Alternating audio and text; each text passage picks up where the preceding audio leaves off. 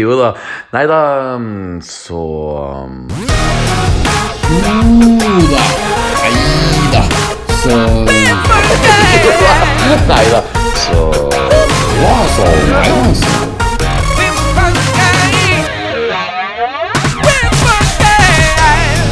Jo da. Nei da, så Jo da. Nei da. Så Jo da. Mine damer og alle dere andre. Hjertelig velkommen til episode 18 av vår kontroversielle Star Wars-podkast. Jo da, nei da, så. I dag så skal vi rett og slett snakke om filmhistoriens mest overhypede kinoopplevelse. Altså, ikke engang Jesus i sin tid var like mye hypa som denne filmen her. Jeg snakker så klart om en meget fargerik, moderne klassiker som får oss alle til å party like it's 1999, nemlig Star Wars episode 1, The Phantom Menace. Eller som den het på norsk, Den skjulte trussel. Oi, oi, oi, det her blir spennende. Mitt navn er Petter Aagaard, og jeg må bare si det med en gang. I drank the cool aid on this one. Hva det begrepet betyr, ja, det skal vi komme tilbake til litt senere i denne podkasten. Men kort forklart, jeg var så sinnssykt innstilt på å like denne filmen. Så hvis den bare inneholdt forskjellige scener med en fyr som hadde tråkka i hundebæsj, så hadde jeg sikkert elska den uansett. Jeg var nemlig så sultefora på ny Star Wars. Dette var jo nemlig den første Star Wars-filmen på nesten 17 år. Og den aller første Star Wars-filmen jeg skulle få oppleve på kino. Så da spør jeg min intergalactic podcast partner in crime, pianist, funkmaster extraordinaire og supercool nerd, senior Knut Løksen. Så du den filmen her på kino? Ja, jeg så den på kino, og eh, jeg hadde jo enorme forventninger til eh, denne filmen her. Nå, nå kjenner jeg, Vi hadde jo Rise of Skywalker i forrige episode, og nå går vi videre. Vi er litt nede i sumpen, litt langt ute av outer rim. Men jeg har litt sånn interessante betraktninger i forhold til uh, The Phantom Menace kontra Rise of Skywalker, for det er det jeg mener er de svakeste filmene for meg personlig, da, i, av de elleve som har blitt uh, laget. Mm. Eh, så er det jo litt morsomt å se Phantom Menace nå etter at jeg så Rise of Skywalker, og se hva Phantom Menace faktisk gjør bedre enn The Rise of Skywalker, da, i mine øyne. Eh, noen ting gjør den dårligere, men noen ting gjør den faktisk bedre òg. Så det Med den cliffhangeren så gleder jeg meg også stort til vår gjest i dag. Ja, det er jo slik som du sa, Knut. Altså, vi eh, snakker jo om en veldig, veldig eh, svak eh, film i dag. Det er ikke sikkert alle er enig, men en person som er det motsatte av svak, det er altså dagens gjest. Fordi at dagens gjest er en meget funky fyr som jeg personlig har hatt gleden av å møte i mange forskjellige settinger og atmosfærer. Denne bodøværingen er en såkalt, altså en, en såkalt trend- og popkulturekspert. Han har en bachelorgrad i film og TV fra The University of the Arts i London. Han har jobba som programleder i NRK, deriblant som musikk- og trendkommentator i det kule NRK-programmet Store Studio. Men det er nok som Melodi Grand Prix-general vi virkelig fikk smake på hele denne fyrens megaekspertise. Altså, Hvis en nordmann noen gang i framtida skal få æren av å skrive og regissere en Star Wars-film, så må det jo være denne herlige personen her som må få jobben. Mine damer og herrer, ønsk velkommen til vår sjelfulle podkast, mister Per Sundnes! Hei. Hei! Var, var det fin intro? Det var helt topp. At jeg, at, tenk at du har Wikipedia oppe i Trondheim. Det hadde jeg ikke. Ja. Jeg la på litt ekstra sånn funky Ja da, rundt det, ja men for all del, ja. Du Så- sa jo ikke at, at vi har møttes liksom når jeg har vært ute og kjøpt sånne Star Wars-kaketing. Du, jeg er så glad for at du tar opp det, Per, for det har jeg notert meg i mine notater. For det var en veldig veldig koselig eh, dag. Jeg og Per vi møttes tilfeldig på Outland i Oslo, sikkert eh, syv-åtte år tilbake. Og vi endte opp med å ha en utrolig koselig, eh, varm samtale om egentlig alt innenfor kulturfenomen. For du er jo også en stor Prince-fan, så vi har jo den biten eh, til felles også. Oi, dette Så- ble langt. Dette ble langt. Ja.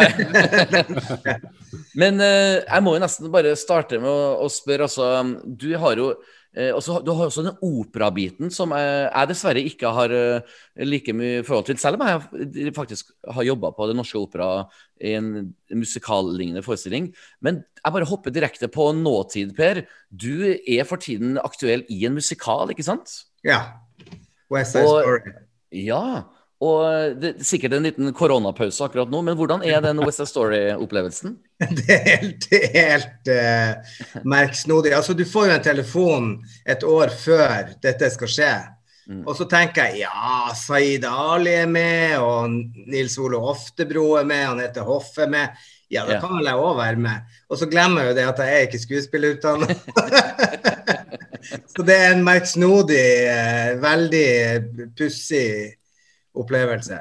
Men gøy. Altså, jeg er jo en person som eh, vil ikke gå forbi når jeg åpner vinduer, så jeg hopper inn, og så får det stå til. Så får vi, får vi nå se. Jeg, jeg takka ja til å spille til høsten òg, så, Mm.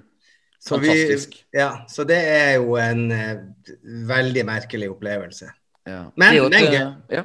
det er jo en veldig veldig flott produksjon. Jeg har ikke hatt gleden av å se den enda, men jeg skal så klart eh, ta en titt på den når dere kommer tilbake. Det er jo et veldig flott orkester som er med i den musikalen. Jeg er veldig god venn med pianisten. Ja. vet, kjenner du til pianisten i det? Ja, ja, ja, han er jo orkesterleder òg.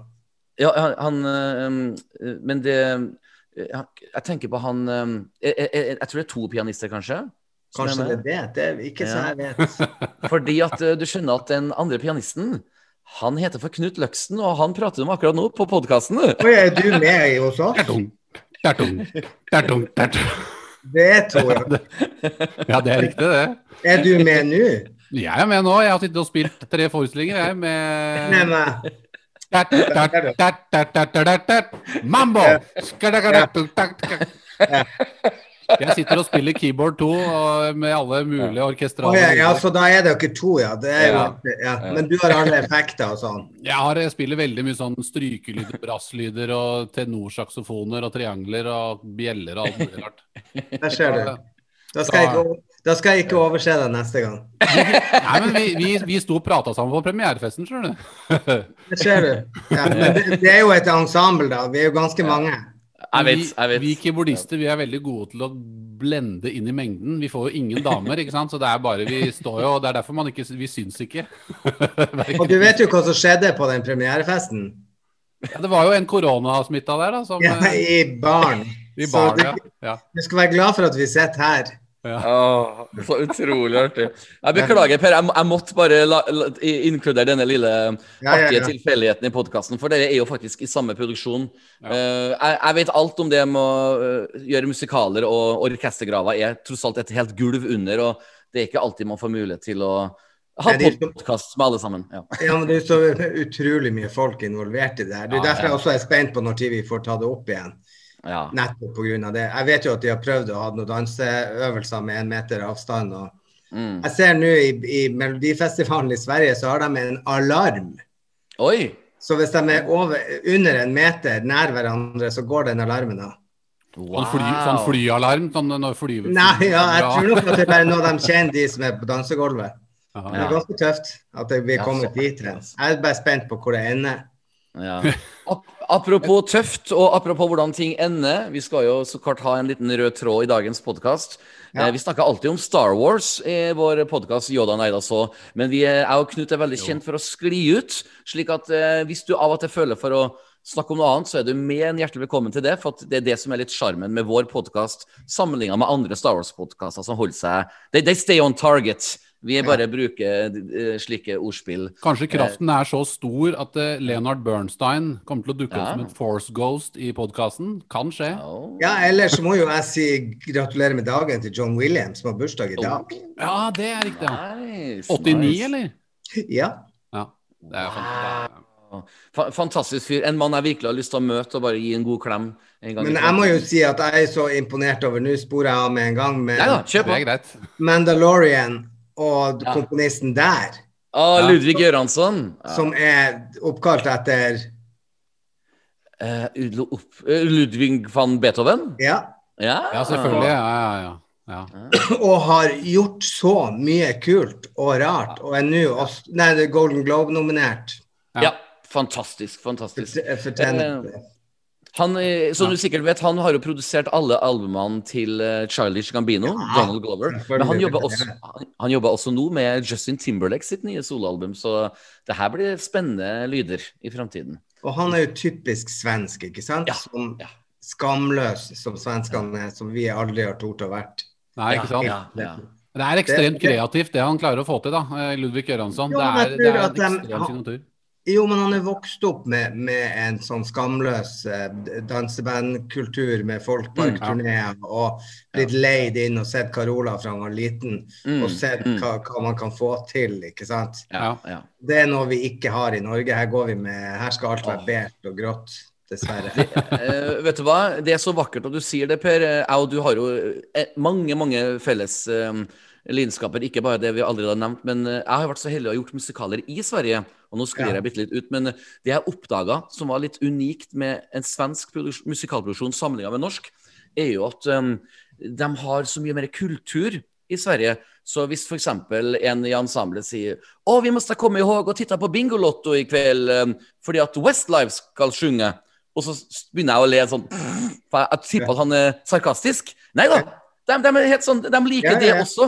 Det er ingen regler for hva du kan like og ikke like. I vi i Norge vi setter oss fast i forskjellige båser, men svenskene Jeg jeg får frysninger bare jeg snakker om det. Jeg elsker dem, for de er mye mer åpne. Som du sier, danseband, Carola, ABBA, They Love It All, Ludvig Göransson, Funky Dude som bor i California. Alt er lov i Sverige. De, de har knekt koden. Det er helt utrolig. Ja. Det, men det er jo også noe for at vi har den jævla oljen, så vi har aldri trengt det. ikke sant? Vi trenger ikke ABBA, vi trenger ikke Ikea, vi Nei. trenger ikke Hennes Maurits. Nei, veldig bra sagt. Sånn at eh, det, Jo, men det har slått meg òg at når jeg begynte å jobbe med Melodi Grand Prix, så var jo jeg som popkulturell ekspert i La med Mm. Lindmo i det store studio.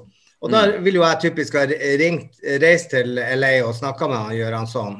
Det var Mm. sånne ting jeg gjorde. Jeg liksom prøvde å Mm. kommentere på popkulturelle fenomener i verden. Eh, og så var det noen som spurte meg i kantina på NRK du vil vel ikke jobbe med Grand Prix? Ja. Jeg, det kan ikke dere si. Mm. Det er ingen som får lov å bestemme hva jeg ikke vil gjøre. Nei, nei, nei. Mm. Ja, jeg vil gjøre det. Ja. Og så sanga jo bordet, og så, så begynte jeg å gjøre det. Og så var jeg med bare som kommentator første året, og da kom vi ikke til finale engang. Og så fikk jeg skylda. Ja. Ja, det var, det var eh, Skal vi danse på spansk? Ja, og, Ja, så, og så fikk jeg skylda for det, og så tenkte jeg faen. Det går jeg ikke på. Så jeg gikk til sjefen og så sa jeg, nå tar jeg over. Ja. Og så for jeg rett til Sverige til han Christer Bjørkman og gikk på Grand Prix-skole. Og han lærte meg alt, så jeg gikk til min sjef sa at jeg tar over. Og så sa jeg hvor mange år gir du meg på å skaffe en seier? Så sa hun tre år, og det gjorde vi Mm. på to. Så fikk vi femteplass først med Maria, og så fikk vi en Ja. Førsteplass med Rybak. Og da ble jeg Ja. kalt inn på teppet av eh, Arne Skeie og flere. Vi mista fotball-EM. Jeg var på, jeg var på forsida av For Him Magazine som han. Dette er han som eh, tok fra oss fotball-EM, og det står jeg jo i. Jeg synes Fantastisk. Det er helt rått.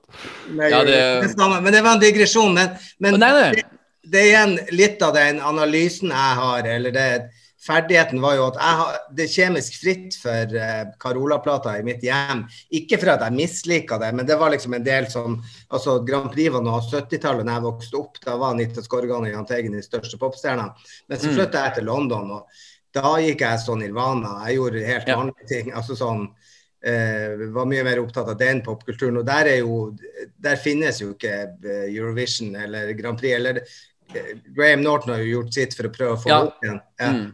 Men, Mm. men um, så, så dermed så, så hadde jeg en helt an, et helt annet utgangspunkt. Jeg får liksom ikke buksevannet av å møte Carola eller.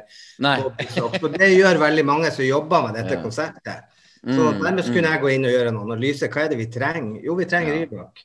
Hvorfor det? Jo, vi må ha tydelig signatur. Han må ha den fela. Og, Ja. og det var egentlig en ballade som, ble, som jeg fikk han til å gjøre uptempo. Ja. For at jeg hadde disse frikar før. Ja, Stemmer, jeg husker på Frikar.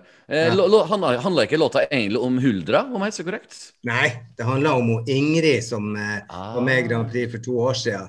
Ah, my bad. My bad. Ja, jo, jo, som er, det er jo det som er halve greia. Så når han gikk på scenen i finalen i Moskva, så sa jeg må du tenke på henne nå. Sitter hun på Jessheim med Ja. han kjæresten som er av deg. Og så må du vise dem. Ja, Og det- og det, å, det er så vakkert. Og hviterusseren, han gikk på med alt han hadde. Ja, ja fytti rakkeren, altså. Men, så, men, men jeg skal spole tilbake. Du, du nevnte opera. At jeg Ja. likte opera. Og det som slo meg da når, når jeg begynte Altså, jeg har jo alltid likt opera uten at jeg vet det. Altså, alle liker jo opera. Altså, det er jo Hvis du ser Champions League, så er jo eh, Ja. ja, ikke The dere champions! Ja, ikke sant. Og, og hvis man liker Ja, fotball er jo det samme i Italia som, som opera er for dem. Altså, De har jo like mye fotballag som de har operascener. Mm. Sånn at uh, det er bare vi som har liksom vært en sånn provins. Og det har jo litt med geografi å gjøre. at Jeg, Mm. jeg kommer fra Bodø, og hvis vi snur kartet, så er jo Finnmark i Roma. Sånn Ja, det er jo vært veldig langt geografisk. Og når vi for på klassetur til Oslo, så får vi jo på McDonald's, ikke i operaen. Mm, mm, mm. Så, for vi hadde ikke McDonald's i Bodø. Sånn at det, mine eh, opplevelser begrensa seg jo til søndagsmatineer og sånn. Men da begynte jeg jo å oppdage litt at John Williams hadde jo aldri laga Star Wars-musikken sånn som han hadde gjort hvis ikke han hadde kjent til Wagner. Jeg, Ah. jeg går jo og ser på Richard Wagner og Ringen. For altså, han har sånne ledermotiver. sånn som altså, Når, du, når uh, Darth Vader kommer, så hører du det i god tid i forveien. For at han har et ledermotiv i musikken. Og det har han lært fra, fra Richard Wagner. For han gjør det med alle sine skurker, og, og også de gode. At du hører når de kommer. Så Ja, det er jo spennende. Ja. ja, og, en, og ofte endre på temaene til de som han gjorde, snakket om i Rise of Skywalker, den siste filmen han gjorde, som, eh, som, eh, som ble hans siste også, selvfølgelig. Han, eh, han sa jo da at han tok noen av temaene til f.eks. Ray og Kylo Ren, og, gjorde, og måte modellerte disse temaene til f.eks. En litt lystere tone mot slutten, en mer sånn helteaktig feeling på det temaet som de karakterene ble introdusert med f.eks. i, i begynnelsen av Force Awakens. da. Så det er veldig mange tydelige grep han, han gjør for å, for, å, for å utvikle musikken og utvikle karakterene. Sånn Ja, ja, det er jo også sånn som jeg går rett i læreboka fra det Richard Wagner holdt Ja. på med. ikke sant? Også, mm, ja. Dette mytologiske universet som Ringen er. Nå har jeg sett Ringen i Jeg har sett den jeg vet ikke hvor mange ganger. Det er jo liksom 16 timer i løpet av ei uke. Ja. Eh, hvor du ser liksom sånn mytologi utspilt på, på, på scener som er ganske fascinerende. Så hvis du kan historien, men det fordrer jo at du kan den. Du må jo lese deg godt opp før du går inn der. Ja. Mm. Da har du ikke sjans. Men da ser jeg jo masse paralleller hele veien i forhold til Også i forhold til kostyme og i forhold til mye ting som, som har vært gjennom hele tida. Hvordan disse karakterene er. Og Mm. Det syns jeg er veldig spennende. Vi må også nevne at Per ja. har på seg Chewbacca, i og med at dette er en You, you beat me to it. Ja, you beat me to it. Jeg skal akkurat han si har det. Chewbacca-caps med sånn bandolær eh, med ammunisjon over, er det ikke det der? Jo. Og Darth Vader, eh, er det en Darth Vader one-piece? Ja. Rett og slett. Det skal ikke stå på ekstrautstyret. Nei, det, det er så nydelig. Og det, var- det var veldig artig, for det var akkurat det jeg skulle inn på når du nevnte kostymer. Per. Kostymer. Men um, iallfall, uh, vi skal um, ha et lite mini-intervju med Per nå, før vi på en måte går inn i temaet Den skjulte trussel.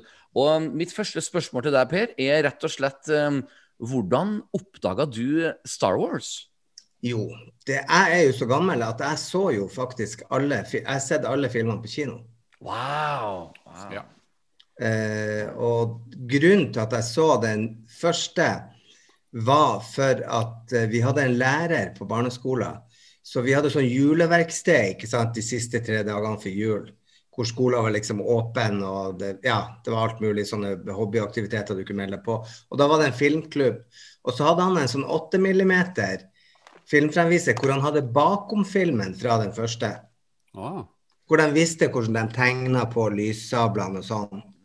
Og da ble jo den født, den greia. Så jeg, jeg, vet ikke om jeg var der om jeg så den i 78 når den kom til Norge, eller om jeg vent, altså at den kom tilbake på den B-scenen og i, altså, i kinobode.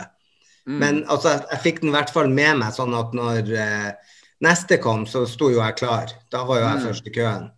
Men da, og da så jeg jo den i real time. Mm, mm. Ja, Empire, Strikes Back. Ja. Ja. Ja, ja, og siden da så har jeg jo sett alt sånn når det, når det har kommet. Ikke sånn, Jeg er ikke så blodfan at jeg kan ikke alt, og ikke, men jeg syns det er et artig univers. Jeg ser så mye paralleller også til det her med at jeg ser mye Wagner og sånn. At Ja. jeg synes det er veldig gøy å, å utforske. og Når dere spurte om å snakke om, om ting i dag, så er det jo gøy at jeg har Her er liksom en original C3PO. Nå holder jeg frem en liten Ja. fra den første serien som jeg kjøpte i ettertid. Ah. Fantastisk. Og så har jeg her ifra uh, Luke Skywalker fra Finse. Ah, Ja. En original jeg- leke fra Ja. den tiden, liksom? Ja, Jeg tror faktisk, jeg tror faktisk det er Han Solo, faktisk. Ja. Er det Han Solo? Ja, det er det, men det har ikke, har ikke noe å si. Det, kan we can edit this out. Ja. By, by the way, vet dere at det eksisterer en lydbokversjon av A New Hope med Anders Hatlo som Luke Skywalker? Ja, Og du vet at Anders Hatlo er min understudy i West Side Story? Ja, ja det stemmer det. Oh. Å, nå er det mange linker her. Det er, Ja, ja. Men og så fikk jeg den her. Jeg møtte, når jeg jobba med Anne Lindmo, så hadde vi ofte eh, eh, kunstnere innom. Og, og så var det en som var her og satte opp ei utstilling på Astrup Fearnley. ja. Og så fant vi ut at vi hadde en sånn forkjærlighet for, for eh, Star Wars. Yeah. Men jeg vet ikke om det er kanskje Han er virkelig sånn toppkunstner. Altså Han hadde en helt separatutstilling. separat utstilling. Og jeg lurer på om det var noe sånn at det ikke er helt eh, legit i kunstverden i Los Angeles og New York. Mm.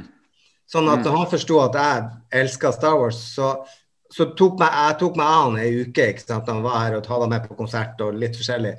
Og da, og da sendte han meg etterpå en original-Yoda fra første filmen. Fantastisk. Som jeg trodde jeg mista på et tidspunkt, men det hadde jeg jo ikke da. Fantastisk. Så det er jo veldig gøy. Men det er jo sånn, og så hadde jeg det på hytta, for jeg har fire stebarnebarn. Så hadde jeg det på hytta, og så begynner jeg å se på at de begynner å leke med det. Og jeg finner de ikke. Så nå har jeg tatt dem med hjem, og de sitter i en glassmonter alene. De skal Ja, ikke lekes med. Og så begynte jeg sjøl med Petter, når vi var og kjøpte kakeformer. Ja. Den her har jeg laga sjøl av en kakeform, ikke sant? I Ja, vi, leire. vi ser altså nå på en uh, C3PO i leire. R2D2. R2D2. Ja, der ser du. det. Er du full? Arthur. uh, ja. Har drukket litt for mye sportska?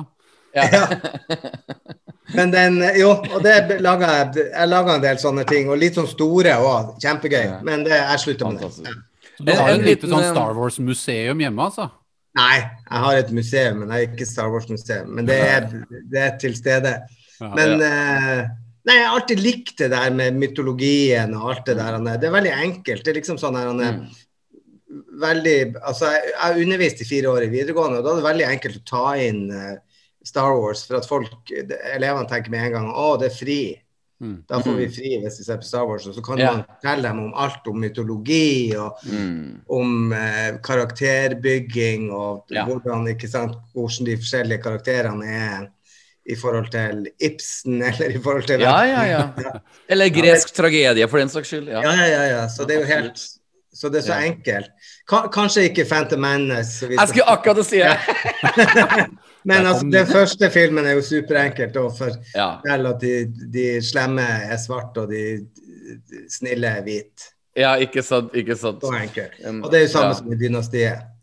Ja, ja, ja, virkelig. virkelig. Du har liksom Alexis med den mørke hå- hårsveisen som, eh, eh, som slåss plutselig i et basseng med den blonde. Ja. Nei, det er fantastisk. Det er en liten Yoda-trivia, siden du visste også en liten Yoda-dukke. Det er jo Frank Oz som er stemmen til Yoda. Vet Ja. du hvilken annen stemme Frank Oz også er stemmen til? Kermit. Eh, Miss Piggy, faktisk. Miss Piggy, ja. Ja, ja. Så det, det blir aldri det samme å høre Miss Piggy igjen når man tenker at det er Yoda sin stemme som eh, gjemmer seg inni Miss Piggy. Det jo også- eh, At de hadde et sånt jubileum nå, Kermit, mm, eh, i fjor sommer.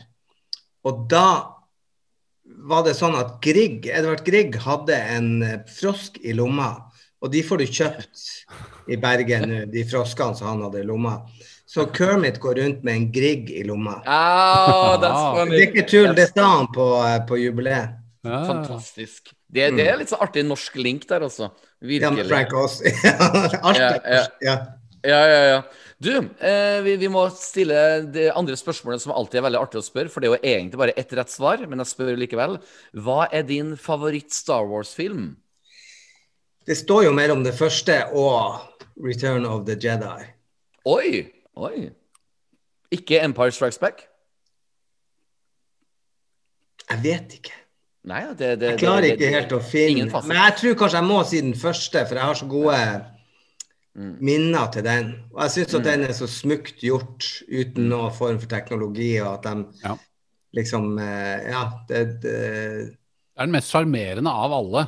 Ja, og så har du alle de, de tingene. Det er derfor jeg liker Mandalorian, for de tar opp en masse deler av dette uten at det er så innmari fancy, sånn som i Ja. Phantom Menace. Ja. Så er det så vanskelig for å tro på ting.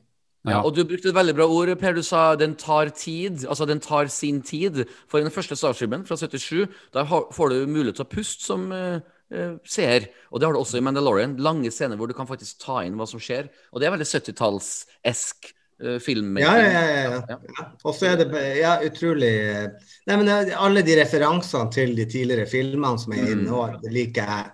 Jeg liker også disse her, er- nye karakterene og Mm.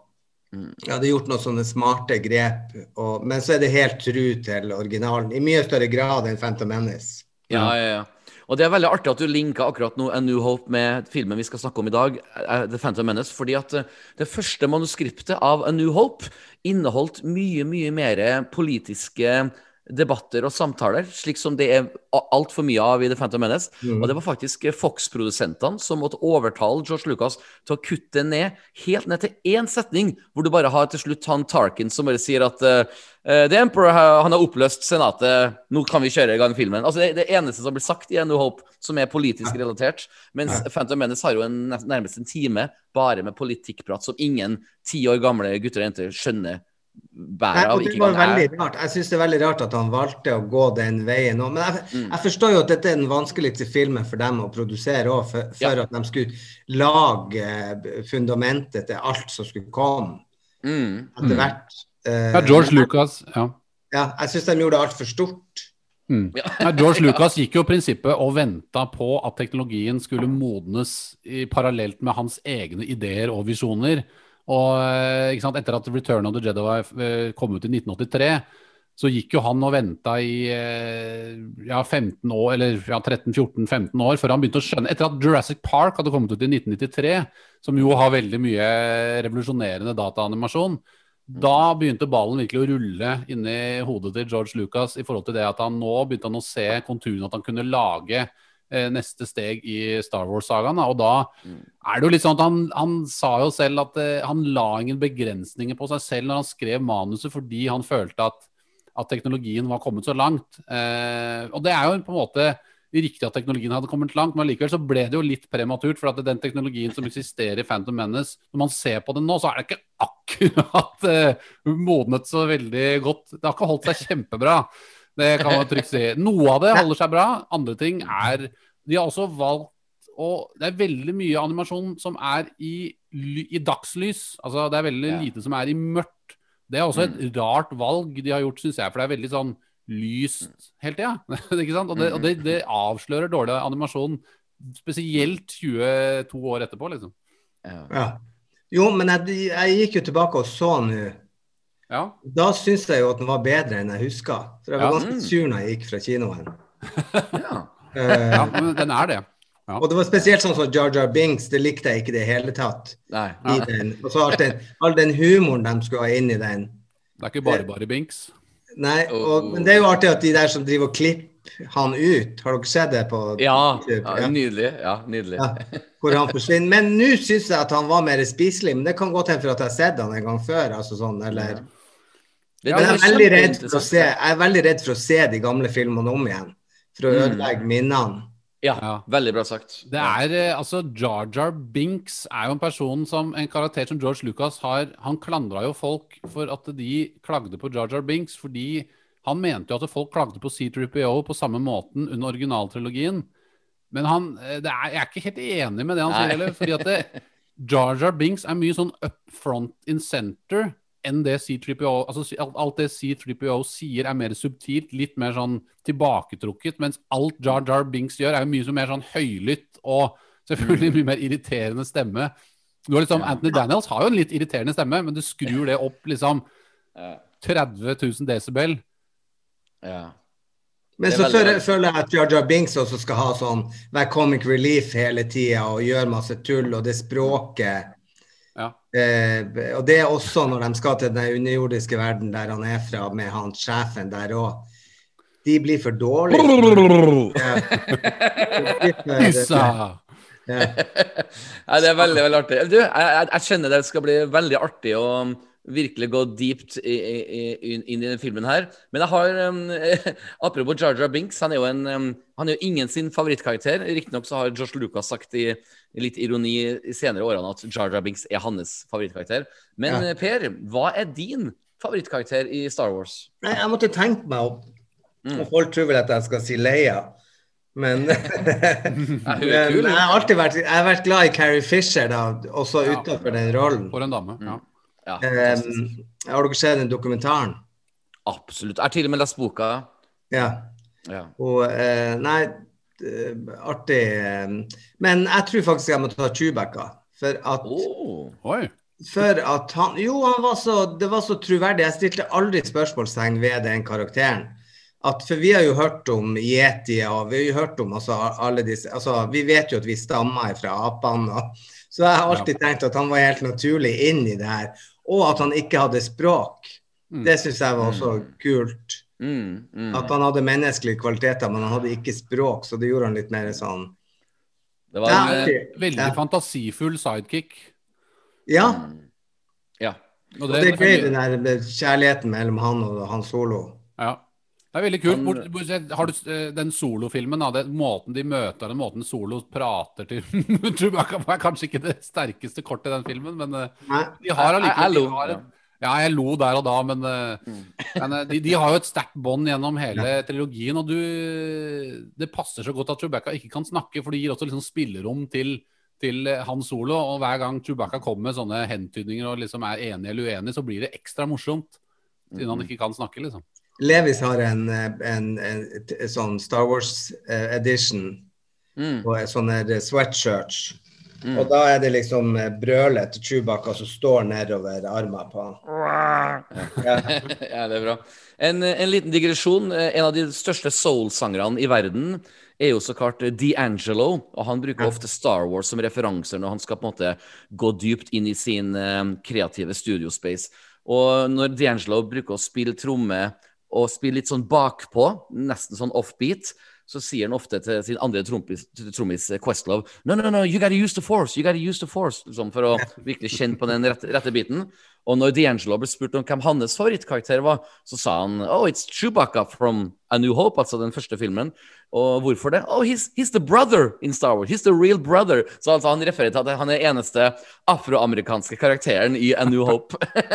Men det kom jo noen inn etter hvert, ikke sant? ja, ja, ja. Billy D. Williams kom senere. Ja. ja, og de var jo ganske tidlig ute egentlig med Ja. sånn hovedrolle. Mm, Det skal de jo mm, ha. Ja, Eh, absolutt. Det Hvis var, det var, Mandalorian, så er det jo bare så herlig. Ja. Det er i nu at vi Ja, de, der, der har de fått litt liksom, en veldig naturlig mangfold, syns jeg, i Mandalorian. mm, ja, ja, ja. I, i, i sequel-trilogien så føler jeg at det er litt mer påklistra, litt mer påtvunget, mens i Mandalorian Ja. så er det så det er så, det er så organisk, rett og slett. mm, Ja, ja. mm. Veldig, veldig sant. Men dere snakker om, om The Force, så tenker jo jeg at uh, Jeg liker jo altså det, det, det religiøse i det. Mm. Ja. At i stedet for at de tør Altså, i den her eh, som vi skal snakke om i dag, så er Ja, det jo veldig tydelig at han henter mye referanser fra, fra hinduisme og, og, og disse her som har mange religioner, siden også at det er så mange folkeslag i disse eh, filmene. At den krafta blir liksom Det er jo Guds kraft, føler jeg, på en måte, siden de er amerikanere først og fremst. Men jeg har jo vært og reist mye i, i eh, i Nepal og på Sri Lanka. Sånn, der er jo liv og lære veldig Det henger veldig sammen. Sånn at For meg så er det helt naturlig at de tror på den krafta som sånn virkelig. For det gjør de også i disse her, eh, hinduistiske og buddhistiske landene. Ja. Mm. At de er mye mer eh, i ett med det religiøse. Vi blir bare tvunget til å gå i kirka på julaften Mm. mens, og har ikke noe forhold til Gud foruten begravelse og konfirmasjon og sånn. Ja.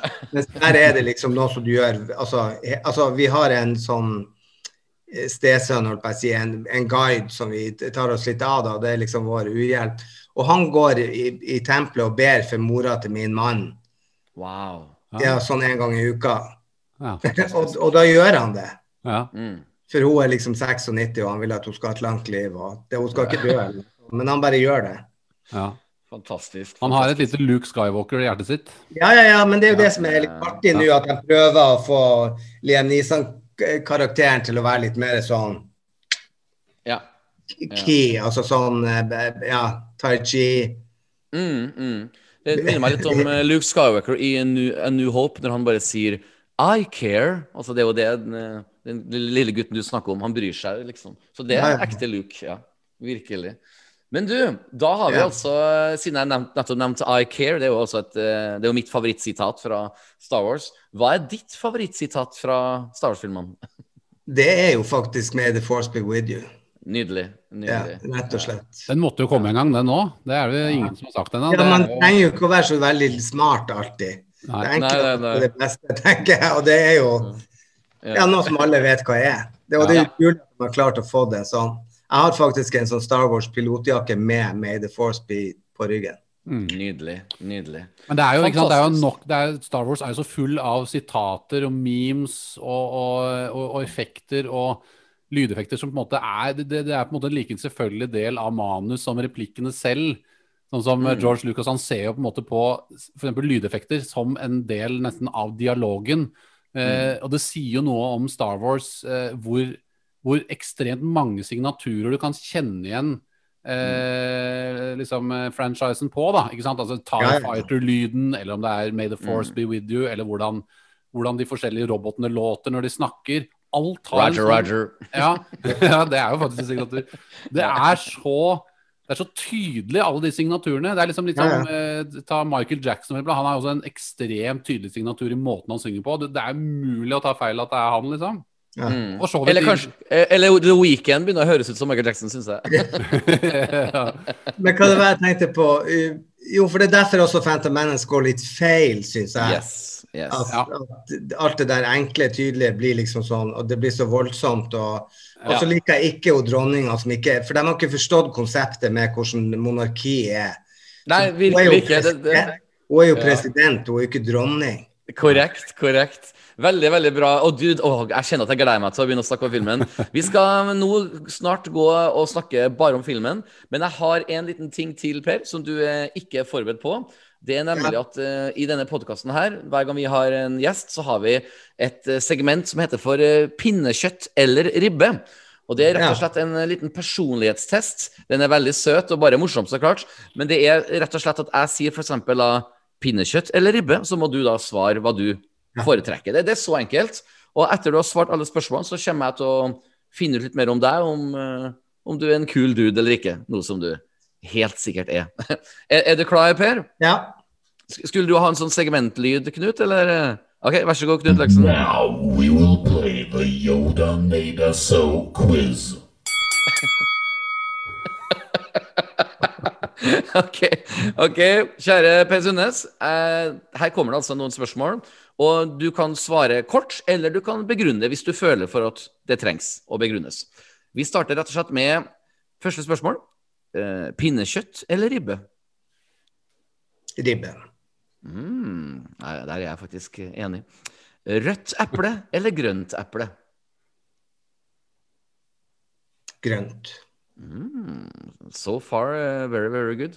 Pepsi eller Coca-Cola?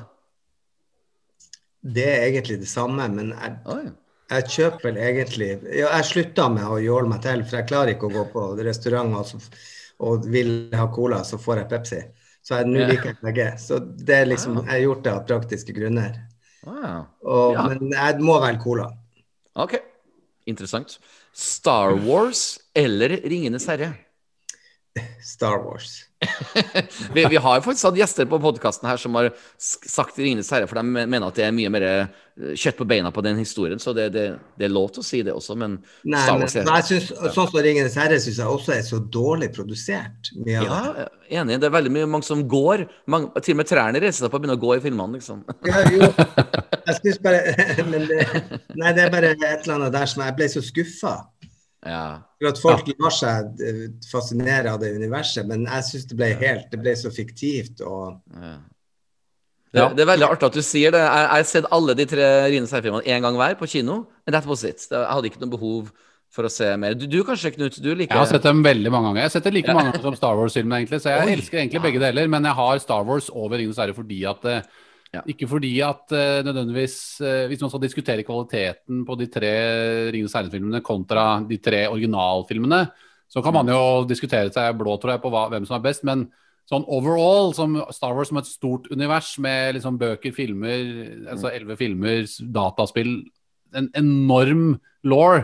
Eh, så Pop- så- Popkulturreferanser, ikke minst. Pop- vinner jo Star Wars, så, hands down. så vinner Star Wars. Det er på en måte det er, The sky's the limit i historiefortelling i Star Wars. Jeg føler at selv om det finnes noen flere Ringenes herre-bøker som Silmarillion og Hobbiten, har de allerede gjort, da. Eh, Eh, Men unnskyld, unnskyld å avbryte.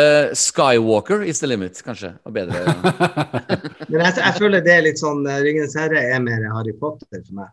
Ja, ja. ja. Enig. Altså, jeg ser, enig. ser for det er jo litt sånn smak og behag. Jeg digger jo Ringenes herre-filmene, men, men, eh, men, men, men Star Wars har jo altså, De har klart å bygge en mytologi som bare er sinnssykt tøff. Eh, Ringenes herre er jo litt mer klassisk på et vis. Eh, selv om Star Wars har sine klassiske referanser, så, sånn som Per nevnte tidligere i podkasten, så er jo det er så originalt, liksom. Eh, de, de, alle karakterer Jedis, liksom. Hvor, hvor, hvor, det kommer jo fra samurai eh, Det er samurai-inspirert, selvfølgelig, men, men det er liksom de, de ordene, de navnene og sammensmeltingen av effekter og sånn, det er Altså Hvis du hadde skrevet det ned på papir, kommet til et filmstudio, og så hadde du lest opp for dem, så hadde jo bare folk så ledd av deg. ikke sant? Eh, så å selge inn det prosjektet, det skulle jeg gjerne likt å være der den dagen George Lucas kom opp. Og han sa jo selv det var jo et helvete, den første filmen. Det, det vet jo alle. Eh, det, det var altså Folk lo av han i gangene når de drev og spilte inn sp filmen, ikke sant. Og man kunne ikke høre stemmen til James Earl Jones, for det var det jo han um, uh, Hva heter han igjen, han som spilte han uh, han het så mye ah, som Brain freeze. Ja, jeg skal, Vi har snakket om han tusen ganger. Ja, vi har det. Um, Han som er i drakten til Darth Vader, han ja, vi, vi, vi kan redigere det inn. Red- Han, han sa jo replikkene på en kjempedøll måte, ikke sant? Ja, Ja. You are a traitor, Leia Organa. Ikke sant? Ja. Og, det, det, og da ler jo, da blir det bare en gang. Ikke sant? Og det, og det skjønner jeg godt. Og, Men det er jo, drit, men det er jo kult med at de hadde maske på han da. ja. At vi ikke så munnen. Det er jo nesten som det skulle tro at det var korona. Ja, ja, ja, ja, ja. Han eh, forutså koronaen. Um, du, eh, det, det minner meg også litt om eh, Phantom Menace, som vi skal snakke om når du ser Jedi Council, hvor disse stolene er langt fra hverandre. Det er skikkelig koronamøte. Ja, ja, ja. ja, ja. Ja, spesielt, ja, og spesielt eh, Senatet da, i Phantom Menace, der de Ja, ja. flyr rundt på disse plattformene sine. ja, ja. Veldig bra. Ok, Unnskyld, det var en digresjon her. Eh, vi må fortsette med pinnekjøtt eller ribbe. Eh, Ja. Per, eh, Batman eller Superman? Batman. Herlig, herlig. Neste er litt vanskelig. Han Solo eller Indiana Jones? Han solo.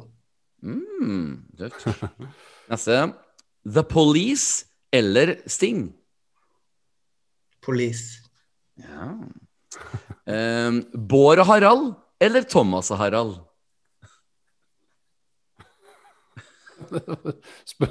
Bård og Harald. Ok. Jeg må jo bare Eh, si om kanallojalitet. Ja, ja, ja, ja NRK-lojalitet. Ja, ja. Unnskyld, Knut, skulle du si noe? Jeg bare så det tenktes Det var veldig sånn knakende tenking der som foregikk der. Det så jeg på ansiktsuttrykket der. Det er ikke så, det er ikke så greit for Per, for han kjenner jo alle de fire, så det blir Nei, liksom litt rart. Jeg må si det riktig, jeg må si det riktig, jeg må si det Ja. riktig. Jeg må si det Nei da, riktig. tenker jo Ja. Ja, men jeg er enig. Jeg er Jeg tenker jo også sånn, Bård og Harald de kommer til å ha levert mye i eh, populærkulturen i Norge.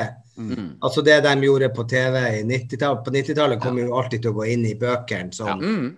stort. Mens Harald Thomas har vel ikke gjort noe som ikke noen andre har gjort før. dem. Litt, litt mer folkelig, enklere humor, men veldig flinke. Da. Jeg har jo, jo spilt på veldig masse eventer med, med, med Thomas og Harald i en periode, mange år hvor det var veldig mye De var leid inn mye som konferansierer.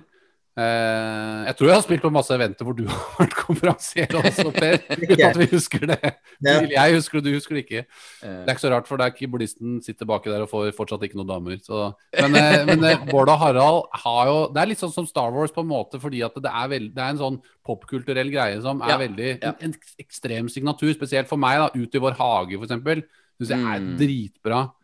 Jo, men de greip jo inn med åpen post og alt det her. De greip jo Ja. inn i sosiolektene til alle ungdommene som Ja. gikk. Altså, det var jo en sånn forsterkning av ungdomskulturen liksom, som skilte Ja. det fra voksenkulturen. At de Ja. voksne forsto ingenting hva det var som skjedde. Nei, nei. Og de på bygdene og sånn, de skjønner jo ingenting. Nei, nei, nei. Så det var jo bare så Og det tullet med, med pommes frites og alt det her. Ja, ja. Er, I Arendal. Ja. Ja. Du har liksom gått til Karasjok og dra noen sånne Oslo-losen-vitser om eh, gå fem gonoré-skritt her, så kommer du til eh, Sagene torg, liksom. Så det er ikke, du får ikke masse latter, tror jeg. Nei. Ok, Ja, apropos ja, latter. Jo, Ja, ja. apropos latter, vi må komme oss videre. Ja. Eh, neste spørsmål kan være litt vanskelig, men eh, vær så god, her kommer det. DDE eller Ole Ivars?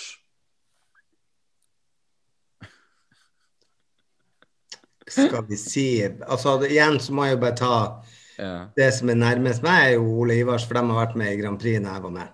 Nydelig, nydelig svar. Det, Og da kom de, med, de kom, ikke sant, de kom på et møte her hjemme hos meg med en sang som er sånn Å ja. Det er liksom 'Englene finst part two'. Ja. Det er helt perfekt. ja. Det er sånn det skal være. Det er hel ved. Det er akkurat dere. Ja. Og den var bare sånn Å ja, var det så lite motstand? Ja. herlig, herlig. Ja, det er vakkert. Eh, tri- Trivelige gutter. Jeg har møtt dem mange ganger, så det, det er ingen, ingen fasit på disse eh, spørsmålene her. Eh, Bare noen. Ok, Neste blir det store 80-tallsspørsmålet, som du sikkert hørte mye gjennom 80-tallet. Michael Jackson eller Prince? Prince. Nice. Det, det er veldig mange som svarer Michael Jackson, og jeg har full forståelse for det, men Ja, men eh, også sett, sett så- i- sett i lys av det alt som er kommet i ettertid, så tenker jeg at det er litt sånn Mm. At Prince blir enda kulere, selv om Sinead O'Connor prøver å si at han har slått henne. ja. Som han sikkert gjorde. Ja, men av alle andre ting så tenker jeg bare på hva Michael Jackson har gjort. Ja, ja, ja. Uff. Som, Sebastian, som Sebastian i, i, for to podkaster siden sa, Prince kunne vært barnevakt, og Michael Jackson kunne som, Han var Ja. favorittmusikeren, liksom. Ja, ja, ja. Men, ja så, Sebastian Brunestad, stemmer det. Du, vi, vi går videre. Det her er litt artig. Eh, Star Wars-spørsmål. Prequel-trilogi eller sequel-trilogi? Au. Nei, jeg tror kanskje jeg sier sequel. Mm. Ja, ah, ja. Ja, men tøft. Tøft, uh, tøft svar. Jeg er enig, faktisk. Vi går videre. Hytte på fjellet eller hytte ved sjøen? Hytte på fjellet. Jeg vokste opp ved sjøen. Akkurat. akkurat. Charterferie eller storbyferie? Storbyferie. Bra. Freia melkesjokolade eller Stratos? Freia melkesjokolade. Mm. PC eller Mac? Mac. Mm. Kims eller Mårud? Kims. Oi. Og nå en 90-tallsmusikkreferanse. Oasis eller Blur? Oasis. Wow. Rød eller blå? Blå. Oi. Netflix eller Disney pluss? Det går ikke an Du kan ikke Det er ikke et reelt valg. Nei. Nei, men det blir, net, det blir faktisk Netflix. For Disney er litt for um, Ja. En siste digresjon. Ja, ja. God kveld, Norge ringte til meg og sa at vi ville oppfylle din villeste drøm. Mm. De hadde en sånn serie. Og så sa jeg bare Jeg hadde lyst til å si 'stikk og gnu dere, jeg er ikke interessert'. Og så tenkte jeg nei, nå skal jeg heller finne på noe som jeg ikke At de ikke klarer å fikse. Ok, ok. Så da sa jeg at jeg vil ha en stemme i en Disney-film. Ja, ja, ja. Og så sier de Hvorfor det? Hvorfor akkurat Disney? Nei, for at Disney eh, er vanskelig. Altså, De vil ikke ha homofile, de vil ikke ha nordlendinger, de vil ikke ha for ingenting skal stå Eh, ikke ha homofile nordlendinger. Ja. Nei, eh, og de vil ikke ha eh, folk som eh, står for det de sier, og s- si det de mener og mener det de sier. Mm. For du skal ikke stå i veien for karakteren. Så du blir liksom sånn kvalitetssjekka i hodet og ræva av dem. Hvem er du? Er du kontroversiell? De googler deg, de prøver å finne ut. Og så går det en halvtime, så ringer de fra God kveld Norge og så sier de, du skal, du skal rolle i en ny film som kommer som heter Frozen. Wow! Helvete! Jo, og så ikke nok med at jeg må gjøre det gratis, for det var jo jeg som ønska det. Ja. Så må jeg på TV og gjøre det gratis. Jeg dubber alle de tre, eh, eller de to og en halv Frozen-filmene. Jeg er tjeneren til prinsessene. Ah, Er det sant? Jeg visste ikke det. Ja, det, er Fantastisk. at det, det er jo en, Marianne Penta er jo også med i den samiske versjonen. Men Jeg det er- vet. ja, Ja, ja. men jeg er med, jeg er med der òg. Men da er jeg, eh, jeg er tjeneren fremdeles. Han er ikke samisk. Nei, jeg skjønner. Dette, ja. dette ligger på Perflix, eller? Det ligger på Disney pluss. Wow! Det er jo rått, for en utrolig artig ting du, du er med på der, altså. Det må jeg virkelig si. Og Jo, jo, jo, men det er jo liksom sånn at det er jo minimalt. Altså Nå reiser de jo til Sameland, så jeg er jo med i null komma niks. Jeg er ganske mye med i den første. ja, ja. Og så er det ei setning i julefilmen. Ja, Husker du på, det set- en fr- det er husker? Ja. Unnskyld. Ja, vi må få en live fremføring, hvis du husker det, da. Ja. Nei. Nei, det er sånn, sånn copyright eh, material, det. Ja, Ja, det er det. Ja. Men det var ganske gøy, for at jeg, jeg skulle liksom Og nå skulle jeg tøffe meg og være så barsk. Og Mm, så fikk jeg altså så svarteper at det var bare Nei. Måtte dra opp dit og Ja. Ja. Og det- Men det er også gøy. Jeg har ei niese som heter Marianne, som jeg begynte å, å fòre med Star Wars når hun var altfor lita. Mm. Eh, så hun jobba i SDI. Hun jobba med dubbing. Mm. Hun, fikk, altså, hun ble så opptatt av tegnefilm og, og alt sånt her etter at jeg hadde liksom fora henne med ikke bare med musikk, men også med film med alle de popkulturelle referansene jeg kunne. Ja. Jeg studerte i London og drev jeg tok opp TV derfra, liksom, for å gi til hun og søstera. Så jeg sendte sånn VHS-er hver uke. For at de skulle liksom få en smak av liksom den store verden.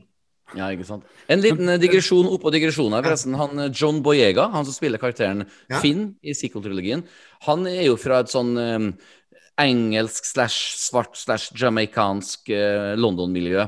Og der har Disney litt av en jobb altså, for å rydde opp og passe på at han var disneyfisert nok før han fikk rollen i, i um, The Force Awakens. Og det gikk ganske bra, for han, han kom fra ganske ryddige kår, selv om han er på en måte fra gettoen. Men når han da endte opp på et sånn New York radioshow som heter for Sway in the Morning, sånn hiphop-relatert show, og de bare How much weed you smoke, man? Og John Boyega bare Come on, man! It's a Disney movie! Come on, come on! så, så jeg skjønner veldig godt hvem er Disney er superstreng, altså. Og det, Ja, men det er jo også for du skal ikke stå i veien for det universet de har kreert. mm, mm, Altså, jeg forstår jo det. De har jo sensurert. Ja. De har jo sensurert bort rumpa til Daryl Hannah, f.eks. En, en av filmene som ligger på Disney. Når, de, når den kom på nytt på Disney Plus, husker ikke hvilken film det er, så har, de, har de, så har de lagt på lengre hår. CGI CGI-hår, for hun har veldig langt hår i utgangspunktet, så går hun til rumpa. Så har de Det er ikke det Splash, det. det jo, Splash er det. Jo, jo. Ja. Per, vet, vet du hva jeg trodde du sa? Jeg trodde du sa æsj. Trodde jeg du sa. Å spille havfrue. Ja. Men jeg, jeg kjenner jo nå, Per, at jeg har jo lyst til at du skal fortsette med de kravene dine, sånn at du ender Ja. opp i The Mandalorian til slutt, eller en av de der. ja, ja, ja, ja. Herregud, så fett. Så- Ja. Men det er jo veldig artig det der, å- altså være en del av det der. Det som skjedde var jo at det er et, et kor fra Trondheim som har åpningsstykke. Og det er jo også en sånn rørende historie at Disney kommer til Norge. De setter seg i en bil, kjører til Arendal. Å ja, Mm. her skal vi starte. Men det kan ikke hete Arendal, da. så det heter Rundle. Og så kjører de nordover. Bård Harald, Bård Harald øla Arendal-navnet for alltid. Ja. Ja, ja. Men så kjører de nordover, og så stopper de på et museum i Trondheim. Og så går de inn der, så finner de en sånn CD med Frode Fjellheims 'Greatest Hits', Wow. som alle vet hvem er som samisk komponist. Eh, og så i åpninga av den, så er det den åpningslåten til, til, eh, til Frost. Mm, Og, mm. og det som skjer, er jo at de sier bare 'Kan vi bruke den her?' Ja, ja, ja, bare bruk den. Og så sånn tre måneder før ikke sant, den skal ferdigstilles og utdistribueres, så kommer de på at Men er det ikke noe annet som er på den der Vuele, som den heter? Mm. Eh, jo, 'Deilig er jorden'. Oi. Så da, må, da flyr Disney opp til Trondheim og får den spilla inn på nytt med dette amatørkoret. Shit. Som, som, eh, for at de kan ikke ha 'Deilig jorden', de kan ikke ha en salme med i en Disney-film. Mm. Det er jo ikke gæren. Sånn at eh, Da spiller de inn på nytt. Så dere kan jo tenke dere han Frode Fjellheim hvor han ler hele veien til, til banken. Oh, For han er jo i alle theme parks, han er overalt. Han har en egen advokat som bare jobber med rettigheter. Helt utrolig. Og de plukker bare opp en CD. Og så er det jo sånn at siden jeg er han Kai, som er tjeneren til de prinsessene, Ja. når, sånn, nei, når Universal skulle lansere plata til koret her, som er et amatørkor, eh, så inviterer de britisk og japansk presse til Norge på, eh, oppe på Holmenkollen kapell. Mm. Og så er jeg programleder, for jeg er jo han norske Kai. Ja. Da var det bare japanere og engelsk presse som skulle ha det til Trondheimskoret som står i bunader, og jeg sto Mm. der og var i karakter. Wow. Så det er det ganske kult. Ja. Var det awkward, eller var det bare fantastisk? Nei, det var jo helt utrolig. Altså, Ja. det Hele poenget er jo at jeg er ikke noe redd for sånne der ting. sånn at jeg klarer jo å fortelle dem at det var her greven brant ned. Ja, jeg, jeg jeg skulle faktisk akkurat ha kommet komme med en Greven-referanse. Ja, ja, ja. Artig at du kom med den først. Veldig, veldig bra. Ja, sånn at, Um, jo da, og alt annet. Og så er det jo veldig tilfeldig at i kapellet, i, in, i gangen, så står det jo en frostparaply. Men ikke sant, det er norsk, Ah. sånn at jeg kunne bruke den som rekvisitt på scenen. Men det var Mm. nei, helt rørende. Og de er jo kjempeflinke til koret, så de har jo turnert masse i, i Japan og ja, rundt omkring, og ble nummer én på klassisklista i UK. Sier du det? Ja, ja, ja, så det er helt sykt. Ja. Ja, Men Hva, hva, heter det, hva heter dette koret for noe? Amatørkoret, hva? Ja. Nei, hva er det de heter for noe? Ta Google, har ikke du sett det på maskinen? Ja, ja, Jeg skal besøke um, Jeg, tror Knut er på det akkurat nå. Nei, men det, ja. Det er artig. Eh, mens Knut eh, søker, da, så kan jo jeg iallfall si til deg, Per, at du besto vår eh, pinnekjøtt- og ribbetest. Du Det besto, eh, du besto med glans, faktisk. Og, hadde du ikke bestått, så hadde du, hadde du svart Thomas og Harald. Bare sånn du vet det. Det var, det var eneste feilen, egentlig. I, Kantus heter det. Ja. Kantus, ja. Stemmer det? Ja, ja. Ja. Fantastisk. Dem har jeg hørt om, vet du. Kantus har jeg hørt om. Jeg er jo trønder. Det er forresten tre forskjellige dialekter i dagens podkast. Det syns jeg er litt artig. Så- ja, det er liksom eh, Det er, ja. det er på en måte hoff mot Tatooine, føler jeg. Mm, mm. Men det, mine damer og herrer som lytter på, det bringer oss tilbake til eh, hovedtemaet i dag. Og det er jo altså den skjulte trussel, The Phantom Menace. Det er jo den vi skal snakke om i dag. Nå har vi blitt litt bedre kjent med Per. Og um, det, før vi Da må begynner vi å prate også filmen da må vi bryte inn, og så må vi spille av en liten avslutning på quizen her, som går sånn. And now you have completed the trials of the Dark Lords of the Quiz. Du besto med glans. Det er bra. Ja, nydelig. Helt nydelig. helt nydelig. Det, det er altså slik at um, Vi skal nå snakke om The Phantom Menace, og før vi begynner å snakke om det, så har vi en time til med noe annet prat. Nei, jeg tuller bare. Vi har ikke det. Vi skal faktisk begynne å prate. Men uh, det er slik at for fem år tilbake så skrev jeg en uh, liten kontroversiell Star Wars-bok. Og um, det som uh, veldig mange ikke vet, som kanskje Per barely husker på, er at når jeg skrev den eh, Star Wars-boka, så hadde jeg året før skrevet en Prince-bok sammen med Christer Falk. Så jeg hadde en sånn visjon av at jeg ville skrive en Star Wars-bok med Per Sundnes. For at, uh, da kunne vi liksom uh, ha litt sånn forskjellige typer eh, Hva skal jeg si Forskjellige typer meninger som kan ende opp med en kul debattbok. Litt sånn à la den boka jeg skrev med Christer Falk. Ja. Og- så er jeg også en håpløs romantiker, alltid vært, så jeg hadde en drøm om å lage en ro ro romantisk bok sammen med Ari Behn. Det, det blir jo så klart eh, alle noe av. Så hadde jeg også en, eh, en drøm om å lage en bok om det å våge å være seg sjøl, som skulle hete for He Who Dares Flares. Som eh, Litt sånn Mohammed Ali-stil-bok, hvor jeg ville gjerne ha med Petter Northug. Så jeg hadde sånn klare visjoner på hvordan bøkene skulle være. Men eh, det, det som skjedde, var at eh, jeg, jeg ble så usikker på min egen uh, eksistens at jeg bare endte opp med å gi ut boka sjøl. Men du skal vite, Per, at du var faktisk i tankene mine når jeg skrev denne Star Wars-boka her, som jeg nå skal lese et lite uh, kapittel fra. Nei da, jeg skal bare lese. Ja, jeg skal bare lese, jeg skal ha litt høytlesning. Kanskje en smule narsissistisk, så jeg ber om unnskyldning på forhånd. Men det, jeg tror det kan funke bra som en intro til um, The Phantom Menace. Og det, da starter vi som følger. Da traileren på The Phantom Menace ble vist på kinoen flere måneder i forveien, så ble man invitert til tidenes største bedrageri. Fordi traileren så faktisk bra ut. Ja, over all forventning. øh, forventning. Folk sto bokstavelig talt og gråt etter de snaue tre minutter. Det var som om en Beatles-konsert hadde ankommet kinosalen.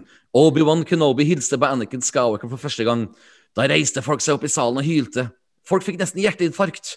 Det eneste publikum ville nå, var å fortsatt være i live den 19. mai 1999, slik at man kunne få oppleve denne fantastiske filmen på kinoen. Teaseren hadde definitivt gjort jobben sin, så det er unødvendig å si at George Lucas mest sannsynligvis overhodet hadde ingenting med denne å gjøre. Lite visste vi at hele traileren var en polert lort. Ganske streng her, altså. Um, I moderne filmhistorie er det absolutt ingenting som har vært like mye hypet opp som episode 1. Ja, til og med Jesus i sin tid var mindre hypet enn dette. Nærmere tre millioner amerikanere droppet å gå på jobb den 19. mai 1999, da The Phantom Menace hadde premiere. Folk fløy inn fra hele verden for å komme til USA for å være blant de første til å se denne filmen. Dette var en historisk milepæl for en hel generasjon. Midnatt nærmer seg. Energien i alle kinosaler i hele verden er elektrisk. Folk danser og synger i setene. De har med seg lasersverd og kostymer. Folk gråter. Håret står opp i nakken. Mine frysninger har frysninger. Man ser teksten A long time ago in a galaxy far, far away. Og et gigantisk brøl slår inn når Star Wars-tittelen eksploderer på skjermen. Hylene er som en finalekamp i fotball-VM. Det stopper ikke. Tårene renner. Folk er i sjokk. Bare noen få år tidligere visste man ikke at denne dagen noen gang skulle komme. Nå er vi her. Prequel-trilogien har offisielt begynt. Det er ingen vei tilbake. Vi er klare for å bli overveldet. Dette er det største og mest magiske kinoøyeblikk noensinne sett. Og så starter filmen. og, så da, og neste kapittel er bare hvor sjokk jeg var i. og fikk det begrepet 'I drank the Kool-Aid'. Så mitt første spørsmål, eh, for å veldig kort forklare 'To drink the Kool-Aid' det er et ord å, som handler om at man um, blir lurt til å tro at noe er fantastisk, og man overbeviser seg sjøl om at noe er fantastisk. Så Per Sundnes, mitt første spørsmål til deg. 1999, når du så The Phantom Menace, did you drink the Kool-Aid? I drank the Kool-Aid. Nei, jeg jo, nei da, jeg gjorde ikke det. Altså, jeg syns den var dårlig. Ah, jeg ble skuffa, så jeg trodde jo først at jeg var blitt voksen. Mm, mm, mm. og det er jo litt av de der tingene hvor jeg ikke ser så ofte tilbake. Nå har jo jeg de her barnebarna, så jeg har jo tenkt å begynne å se mm. alt om igjen. Men, men um, jeg var skuffa over Jar Jar Bings, jeg var skuffa over det enorme universet. Det var akkurat som han hadde fått en, en ny palett i hele uh, Ja, også det der kjendiseriet, ikke sant. Må vi huske på at alle de første karakterene de var jo ikke kjent når de spiller hovedrollene. Så kommer Hugh McGregor og, og, og ja, ja. ja, alle disse her, og Natalie Portman. Mm. Og Keira Knightley, som spiller Ja. decoyen. Ja, ja. Oh, good one, ja. Og, Nei, det og, Ja. De Nei, jeg blir ble litt sånn skuffa over at hele opplegget var at de prøvde, liksom. Og så syns jeg også at uh, guttungen eh, er jo ikke bra nok. Altså, jeg syns han har altfor stor plass. Det er litt sånn Lano for liten, Lano for stor-reklamekvalitet. Ja. ja. Og det der, jeg forstår hele greia med at de skal ha yngre seere. Og, Ja. og så syns jeg det er dumt at stormtrooperne er helt forsvunnet. Mm. Eh, og, det, og det er jo en grunn til det. Det var jo for George Lucas eh, fikk så mye kritikk for at han eh, han eh, brukte han brukte disse her, han, syborgene, hva de heter for noe? Uh, droids? Droids, ja, istedenfor mennesker. For det, det, det gjør ikke noe av livet av dem. Nei. Nei, Nei. ikke sant. Det er veldig barnevennlig. Ja, så da får du 11-årsgrense istedenfor å få 26, ikke sant. Mm. Mm. gjør i USA. Ja, sånn jeg tenker, Det var så mange ting der som irriterte meg. Ja. At de hadde skrevet om universet og dratt inn sånne ting som du aldri har sett før, sånn som Jar Jar Binks og uh. Mm. Det er jo, jeg så, et, jeg så et intervju med George Lucas i går, var det vel, fra ja, rundt uh, rett etter Phantom Menace hadde kommet ut, tror jeg, eller noe sånt. nå. Og da var det, spør jo han intervjueren George Lucas ja, føler du presset? Dette her må jo være som å ha universet på skuldrene, liksom. Og så svarer jo George Lucas nei, føler ikke noe press i det hele tatt. Helt rolig, og det, det sier meg en ting, da. At han er en sånn kreativ type som sitter bare Han er på jobb, han. Han elsker det han driver med, og han er jo kjempeflink, selvfølgelig. Han er jo på mange måter et geni. Men han, han gjør liksom som han vil, og, det, og mens han satt og venta på denne teknologien skulle bli hva skal jeg si, moden nok i hans øyne til å, å gjøre alt det han hadde lyst til å klistre utover på skjermen, så, så øh, men, men midt oppi det, da, så er det, det er en ting som heter liksom Art takes a life of its own, og det tror jeg ikke på en måte George Lucas eh, altså, Hva skal man si? Man skal jo ikke si at man skal høre på fansen hele tiden. altså Man må jo på en måte stole på sine egne valg òg, men, men, det er noe med at det, når du gjør en sånn radikal forskjell da, eh, i, i, estetikk, så vil først det, det, er på en måte det som blir førsteinntrykket. Ikke sant? Altså storyen utfold, altså Jeg syns jo storyen er det beste med disse prequel-filmene. Ikke, jeg synes eh, estetikken er så radikalt forskjellig fra originaltrilogien at, det, at du på en måte mister litt folk Eh, muligens med en gang pga. det. da, og eh, som jeg sa i stad, altså, Datanimasjonen er, er, jo ekstremt bra for sin tid. Og de gjorde jo så mye prøver med Jar Jar Binks. Eh, eh, både som en dukke først, og de hadde testfilmen. De var ute og kjørte med jipper og med Jar Jar Binks som en dukke som hang oppi en sånn herre sånn, eh, soltak der og filma i alle mulige vinkler. Og de jobba masse med det. Og bestemte seg selvfølgelig for å gå full CGI. Uh, men de tar mange sjanser. Det er veldig mye Hvis du husker f.eks. Jurassic Park, da, den scenen med Tyrannosaurus rexen som kommer ut av gitteret der. ikke sant? Mørk mm. scene, masse regn. Ser ganske bra mm. ut fortsatt i dag. Mm. Og det er nettopp fordi det er mørkt. Du ser den der Tyrannosaurus rexen litt seinere i filmen, i dagslys. Da ser det ikke like bra ut. Og hele The Phantom Menace er jo i fullt dagslys, liksom. Med, men det ser ut som det er jo 10 000 soler som lyser ned på litt dårlig dataanimasjon. Eh, som selvfølgelig er bra for sin tid, det må si det igjen. Og noe av det holder seg veldig bra. Det er noen av romskipene som ser fortsatt veldig bra ut. Sånn som den der de flyr rundt i og lander på Tatooine med, med Obi-Wan og, og, og, og Quaigon og sånn. Og mm. lyssablene ser selvfølgelig veldig bra ut fortsatt. Og sånn. Og det er mange ja. fysiske effekter. De brukte jo masse fysiske effekter òg. Men jeg tror George Lucas sa noe som at det er 95% av filmen er digitalt manipulert. Ja. Eh, For det er jo ikke bare animasjon, det er også bakgrunner. ikke sant? Ja, ja, så, så, noen ganger så ser det jo faktisk ut som en sånn live Photoshop eh, skoleforestilling. det, det, er, det, det er problemet med, 'Ringenes herre' òg. Jeg syns ofte at, at, det blir for Jeg vet ikke, at det er for piksilert. At, at mm, Jeg vet ikke om jeg sitter og ser etter det, men ja.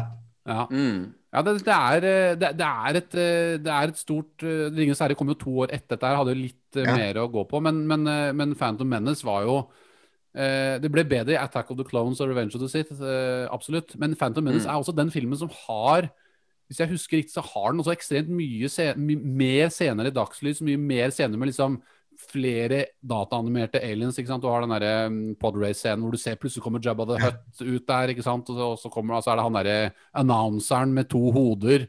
Eh, så ser det ut som han kommer rett fra The Thing fra 1983 med John Carpenter der. Bare en snill person.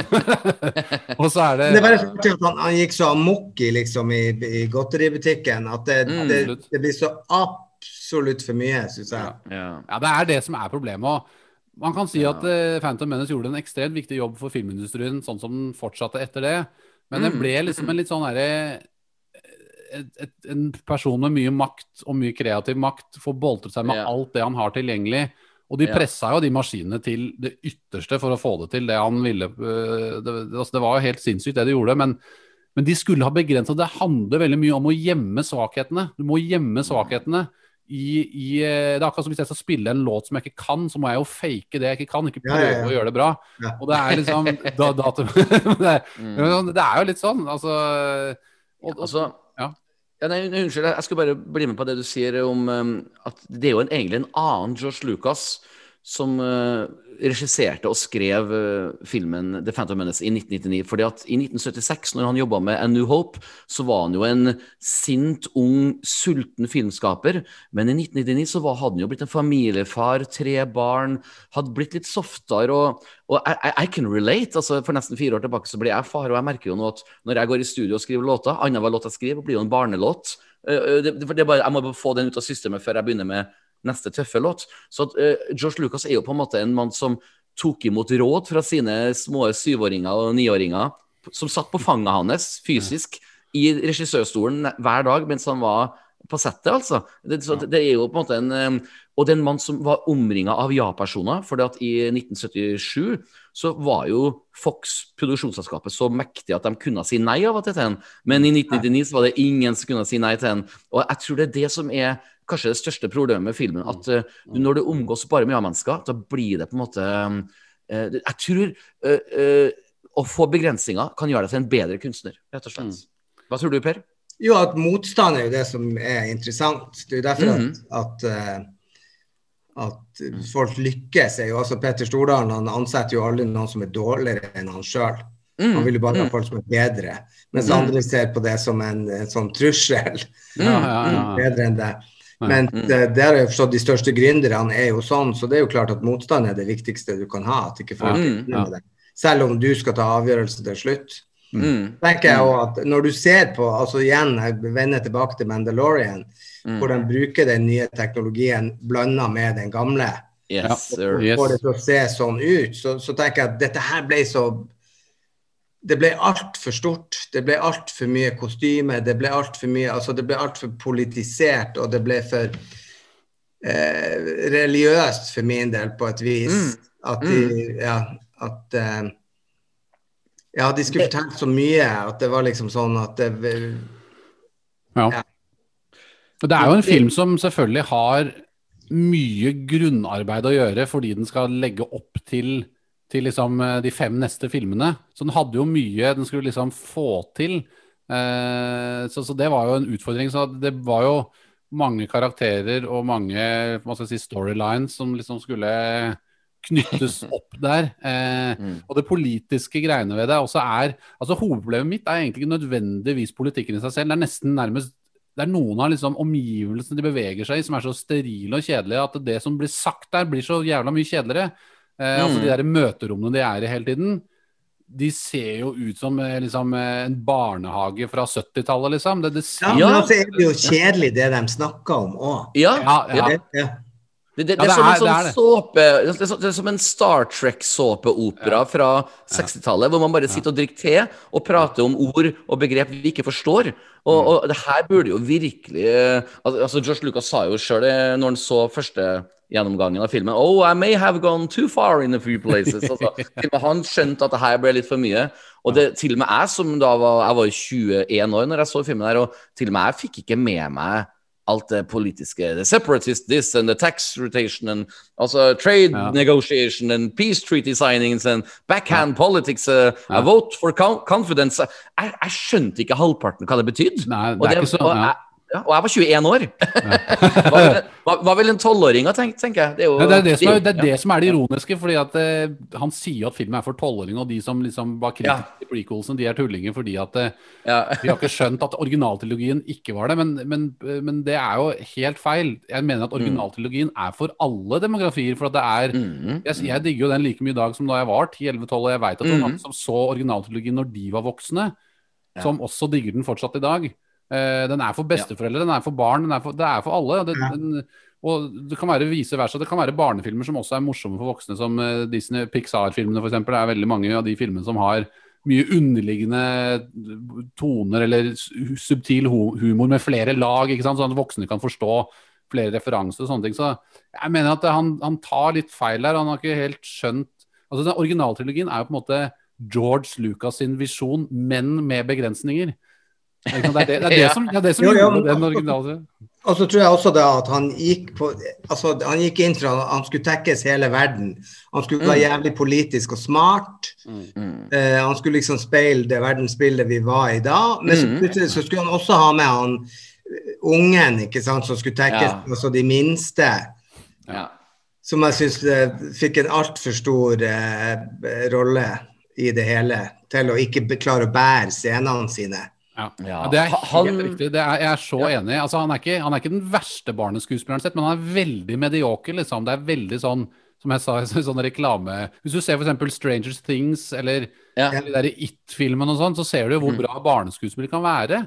Ja, ja. Og det tror jeg har med regi å gjøre. Ja, det har nok- ja. ja. Og Unnskyld at jeg avbryter, men der sa Per Gull, Gullkornet altså det har noe med regi å gjøre. For at uh, er det noe Liam Neeson, Ewan McGregor, Natalie Portman men aldri gjorde i intervju, så var det å snakke negativt om Josh Lucas. Men det de klarte å si, var følgende. De sa at Josh Lucas hadde to kommentarer uh, når de holdt på å spille inn scener. Og det ene var 'faster'. Og det andre var 'more intense'. Det var den eneste regien han noensinne ga dem. Og så da har Per rett. Det er dårlig regi, rett og slett. Det, det går ikke an å Ja, diskutere. ja, ja, jeg at, men tenk på alt det han skal tenke på. Ja.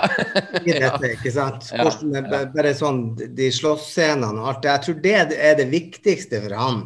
Mm. Eh, eh, Og så tenker jeg at de blir også mala med sånn når Darth Maul kommer inn og skal se ut som jævelen. Ja. Altså Det er liksom så overtydelig. Å, jeg er så enig! Oh. Ja, vet du hva? Det er mange som ikke snakker om det, for alle sammen elsker Darth Maul. Men første gang jeg så den, tenkte jeg akkurat samme som Per. Jo, It's hår too much on the nose. Rød Ja. og horn. Jeg bare, Kom igjen, da. It's too Ja. altså, bare, Too Be a little obvious, more creative. Ja. At least make him purple and Altså, prøv noe annet, men det ble det ble Jo, jo det er det med, med, med sånn som med Darth Vader, ikke sant. Så han er jo også jævelen på sin sin måte, ikke sant. Men det er mye mer subtle. Det er mye mer sånn Ja, det er mer sånn futuristisk Ja. samurai-preg over det. Ja, ja. Ja, eller et eller annet. Han har i hvert fall gått over til the dark side. De snakker, altså, det er jo de tingene der som er Han, han har jo ma mange flere lag i karakteren sin. Darth Maul har Ja. jo ikke Altså, men jeg, jeg var ikke mest plaga over eh, hvordan han så ut. Jeg var mest plaga av hvordan han ble brukt. Det var, for, det var altfor lite. Han, han har tre replikker i hele Ja. filmen. Og det er liksom Men- Yes Master, og så er det to andre, liksom. Og det yeah, At last we will have revenge. Men du, får jeg lov til å kverulere Får jeg lov til å kverulere litt på her, Knut? For at Ja. jeg tror at grunnen for at så veldig mange er glad i Darth Maul den dag i dag, er akkurat fordi at han ikke har så mange replikker, så Josh Lucas kunne ikke ødelegge den karakteren med dårlige replikker. Han har jo en replikk i traileren som ikke er med i filmen. Ja, det er riktig. Ah, Og den, og den ble ja, den, ja, det var jo den hovedtraileren, den første. Ja. Ja. Stemmer Og det kunne det. godt ha vært med, for det Ja. sier mer om hans karakter. Og Men igjen- jeg. Jeg syns jeg, jeg blir litt sånn der han er eh, Jo, det er litt faster, alt mulig. For han skal pakke inn så mye inn i dette. Og alle disse universene og Natalie Portman som dronninga. Og hun Mm. blir også litt sånn Woody for meg, når jeg ser det i ettertid. At det er litt sånn Og, Men samtidig så er det også så hu, man, Det er vanskelig å glemme det. Det er det jeg har lagt merke til med prequel. Altså, jeg syns Phantom Menace er den svakeste av prequel-filmer. Jeg synes det liksom blir bedre og bedre. Men Ja. de svake ting altså det er på en måte Selv om det er svake den originaltrilogien, så glemmer man på en måte ikke den derre Akkurat som du nevner den derre den derre, eh, skikkelig stive dialogscenene til, til f.eks. Uh, Padme. da det er liksom, Og den sminken og det der påfuglhåret og alt det greiene der. Det er veldig sånn tacky, men man glemmer det liksom heller ikke. Det blir veldig så mye sånne memes og signaturer ut Ja. av det. Så det føler jeg at man kan jo godt si at det er litt sånn kalkunrelatert, men noe av det. Men, men allikevel så, så syns jeg at eh, Også i forhold til Darth Maul, så syns jeg at eh, at hadde de brukt han bedre, så kunne han blitt, altså hatt mer scener med han. Sett mer kanskje flashbacks med Palpatine, f.eks. Flashbacks hadde jo ikke begynt å bruke ennå i Star Wars. så Det var kanskje litt sånn utenkelig filmgrep å gjøre på den tiden. da. Det var kanskje ikke så inn, ikke så trendy på, den, på det tidspunktet i historien. Men, Mm. Men eh, det er jo masse kule ting du kan fortelle, og mye ting du kunne ha utelatt. da. Mange vil jo også ja. si at eh, Anakin Skywalker var en person du burde ha møtt når han var litt eldre, f.eks. Tenk deg, tenk deg hvis han har vært 17 år i filmen her, Mm. og allerede vært litt sånn forstyrra, og eh, en, Mm. god, en, en mann, mann med et hjerte av gull, men litt mørke demoner Det har vært en bra utgangspunkt for Mm. Anakin Skywalker. Kanskje Ja, sånn som Mark. Hamill var når han kom i første. Yes, yes. Den type alder, ja. Ja. Mm, For nå er han sånn veslevoksen, og, Mm. og så er det artig med de mitokondriene. ja, ja, ja. The midichlorians. Midichlorians, ja. Ja, Ja, som alle Mitokondrier, det, hva er det for noe? Det er noe Det Det er er også det, det, er det de, de lurte på om de tok feil, at det skulle være mitokondrier. Hva er det Men, for en? Det er noe sånn Det er er noe som er i cellene, som Ja, det- ja, bygger ja. identitet og sånn. Ja, ja, ja. yes. Det er litt sånn som i Eh, Transformers-filmene. Da var de kjempesmarte. Vi skal lage en, eh, en oppfølger, og så skal vi lage et metall. Vi kaller det for transformium. Kjempekreativt. Kjempekreativt. Ja. Veldig, veldig kreativt. Du, jeg, jeg må bare gjøre en så cheesy ting og løfte opp min bok igjen her, for jeg har en bitte, Ja. bitte, bitte, bitte sitat her som jeg vil gjerne lese opp til dere. Og det er rett og slett um, at jeg, jeg gjorde et lite eksperiment når jeg skrev boka her, og her, det her er altså Phantom Menace-kapitlet. Eksperimentet var at jeg skulle beskrive forskjellige Star Wars-karakterer uten å fortelle hvordan de ser ut, hvilke kostymer de bruker, eller hva deres oppdrag i filmene er. Altså prøv å beskrive disse karakterene for noen som aldri har sett Star Wars før. Du vet, Etter flere beskrivelser, det sterkere karakteren er. ikke sant? Og Da tar vi f.eks. Han Solo fra originaltrilogien. Og Da har jeg notert meg han er en skøyer, han er arrogant, sjarmerende, eplekjekk, playboy, selvsikker, skurk, høy på pæra, sexy, uskikkelig, litt mørk, en tyv, men med et hjerte av gull. Ikke sant? Det, det er Han Solo som person. Og så skal jeg prøve å beskrive Quai-Gon Jinn. Tankefull. Det er alt. altså Det er jo ingen kjøtt på beina på den karakteren. La meg komme med et eksempel til. C3PO. Da har jeg notert meg. Snublende sidekick. Redd. Pyse. Besatt av detaljer. Fisefin. Comic relief. Anspent. Lett å bli glad i. Og så har jeg notert meg Queen Amidala. En snakkende vekkerklokke. Det er ikke noe mer. Og det, og det er det som er problemet med filmen her. Ingen av karakterene har noe eh, kjøtt på beina. Det er altså ingenting som skjer rundt Det går går ikke an å forklare dem uten å, for, å si hvordan de ser ut. Og det som nå- I stad snakka vi om dronning Amadala, og vi, man går med en gang på med påfugl, eh, hatt og sminke og, og hvordan stemmen høres ut. Og Kostymer, ja. ja, og det er det som er litt trist, for at filmen her har også ikke gjort hjemmeleksa si med å bygge opp eh, Det, det, det er ikke noe Citizen Kane, for å si det sånn. Nei, men det, det som er litt dumt òg, det er jo masse Altså, jeg tror de bare går seg vill i de store scenene. At alt kammerspill og sånn forsvinner litt. Det, er så, Mm. det er så vidt en tendens mellom Hugh McGregor og, og Liam Neeson Mm. innimellom at de skal prøve å være litt sånn klok og, og yoga-ish. Ja. Men, Ja. eh, men, utover det, jo, men utover det så er det ikke noe sånn Du får ikke vite noe om dronninga og Nei. Og, og, og det, det, det er jo som to buddhistmunker som går rundt og bare uh, er i zen-modus hele tida. Og det, det er veldig vanskelig å bli revet med da, og engasjert. Det eneste du blir revet med, er på en måte det som foregår i bakgrunnen. Og det er jo det Josh Lucas er flink til å få masse masse krydder og stæsj i bakgrunnen. Masse romskip, masse lyder. Og da Ja. blir vi på en måte lurt til å tro Ja. at det er bra. Men det er jo egentlig ikke noe bra craftmanship eh, for, for skuespillerne som står bak en green screen eller blu- blue screen og ikke har noe å forholde seg til. Så det må jo ha vært et mareritt for skuespillerne. Og... Eh, Liam Neeson eksempel, takka ja til å være med i filmen før han hadde lest manuskriptet. Det tror jeg han angra på. Men det, er det er jo eh, artig, jeg tenker det er jo artig for dem å ha vært med i, ja. ja. i, i Star Wars. Ferdig snakka. Fint Altså, å ha på CV-en. Ja. Det er, mange, det er så mange filmer at det er ikke så farlig om det var den dårlige.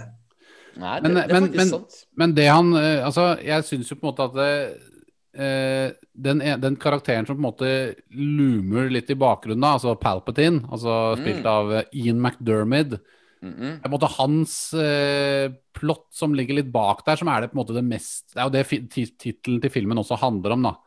Mm. Det er på en måte den tingen jeg syns fungerer best der. For der er det jo liksom Det er noe mystikk rundt det.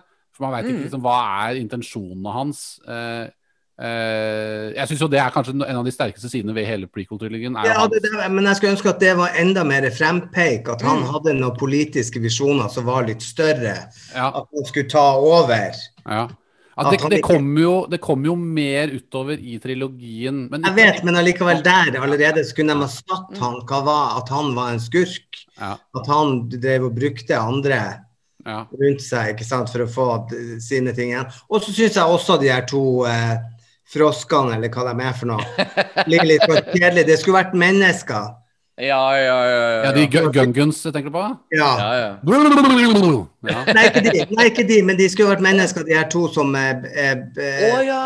Det, det the av han. Viceroy. Ja, Ja, det. legal? Ja. Ja. Jo, men for at det hadde blitt mer rettferdig at, at eh, For de blir liksom sånn Jeg, Jeg syns også de, de er ikke så bra, de maskene, eller Ja, og det er sånn This is getting out of hand! Now there are two of them! Ja, stemmer. De er dårlige, dem. De er, de er Men det hadde vært så gøy hvis det hadde vært menneskelige karakterer, for da igjen så forstår du den maktoverdragelsen. Ja. ja. Eller det Ja. Det er jo, ikke sant, Palpatine play jo both sides, det er jo det han gjør. Eh, han, han, han er en player, han, er, han spiller He- jo He's bisexual. Yeah. og setter, eh, setter de forskjellige He's bisexual. Ja, det, det, han er i hvert fall eh, Han har en mystisk seksualitet, i hvert fall når man, etter man har sett Rise of Skywalker, så er jo det, Ja, ja, Ja. Men det er er liksom det er, det er noe i hvert fall eh, Jeg var sånn halvveis ganske fascinert av den delen av plottet. Det er ikke alltid det er like godt forklart. I Attack of the Clones så blir det også litt man, man får jo vite mer om det, men samtidig også er det mer ullent. Eh, fordi at man eh, Den derre klonehæren og sånn, man, den har blitt bestilt av Saifo Diaz, men så hvor- Når tok I still don't know who Saifo Diaz is. Nei, ikke sant? Og så vet man ikke helt når er det Palpatine tok over denne hæren. Når han liksom Ja. Det er litt sånn, det er en del ting som ikke er forklart eh, Ja. nok, da. Eh, men Og, og filmene er, jo, filmene er jo lang nok til å ha tid til å forklare det. De ja, det det er også som slo meg når jeg så den igjen i går. Den blir jo aldri ferdig. Nei. Men du, det, det er veldig artig, Per. Unnskyld, fortsett. Hvis du skulle Nei, nei, det, var, det er bare det at det er sånn der han, eh, jeg, var på hytta, så jeg hadde noen som var med meg, som var ute og gikk på ski. og så Når de gikk, så sa jeg da skal jeg se den her i hjemmelekse.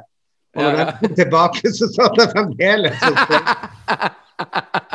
Det, det, det- bringer meg til en historie. Jeg skal gjøre den veldig veldig kort. Jeg, jeg, var, jeg bodde i Spania i 1999, og så var det en sånn, fot, sånn profesjonell fotballskole som var ved siden av det hotellet som jeg jobba som entertainer på. Og så var det noen søte jenter der, da, vet du, så klarte jeg å overtale jentene til å bli med og se The Phantom Menace. Du vet, for jeg hadde den, fått den på DVD. Eh, og så skulle de to, to sånne veldig kule fotballgutter som hadde null peiling på Star Wars, også bli med. De var jo ville være med, for det var søte, fotball, nei, søte jenter der. Men jeg husker så godt når da filmen starta, og allerede de ti første minuttene, når disse to karakterene som Per nettopp nevnte, disse Is legal? Når de kom, så så jeg trynene på de to, de to fotballguttene bare Oh my god! Uh, jeg jeg, ramla helt ut, sa de begge to. Og så tar det fem minutter til, så dukker Jar Jar opp, og han sier en sånn setting sånn eh, Miss me what you say! Og da så de bort på meg, de to fotballguttene, med sånn helt sånn alvorlig fjes, og bare eh, Skal han fyren der eh, være mye med i filmen, eller? For de var allerede satt ut av filmen. Og jeg føler at de to snakka egentlig på vegne av folk generelt, da. For Star Wars-geeks vil jo elske Star Wars uansett. Men folk utafor Star Wars-universet ble satt ut allerede etter ti minutter av filmen. Og det er litt av problemet. Du, den, det, det- du blir ikke fengsla av karakterene, for de er slitsomme å se på, og ikke minst høre på. Så her er det mange feil Josh Lucas gjorde. Altså, det, det er jo en grunn for at folk nå 22 år etterpå fortsatt uh, lager podkast og prater om filmen. For at, uh, Ja. jeg, jeg tror det er så ekstremt at filmselskaper den dag i dag bruker den filmen her på, som et eksempel på how not to do a movie. Jeg tror virkelig det. Ja, altså Ja. Det, den er, det er eh, Apropos Jar Jar Binks også, så er jo han eh, en karakter som som jeg sa i stad, for at det, som er mye mer front and center, eh, sånn humor-sidekick, enn det eh, C2PO var i originaltrilogien. fordi at det, ikke det kanskje han, Jeg vet ikke, jeg har ikke akkurat matematisk screentime på dem, liksom, så det, det kan jeg ikke si helt sikkert. Men, men det, er noe med, liksom, det er noe med støynivået til Jar Jar Binks, altså volumet på den stemmen. Det er noe med frekvensen på den Ja, stemmen ja, som er så øredøvende utmattende at hver gang han kommer, så er det sånn skru, Be de barna være stille nå, liksom. Gi dem noe godteri. Kan du ikke sette på noe iPad, sette på Netflix, så kan Jar sitte der og holde på, liksom.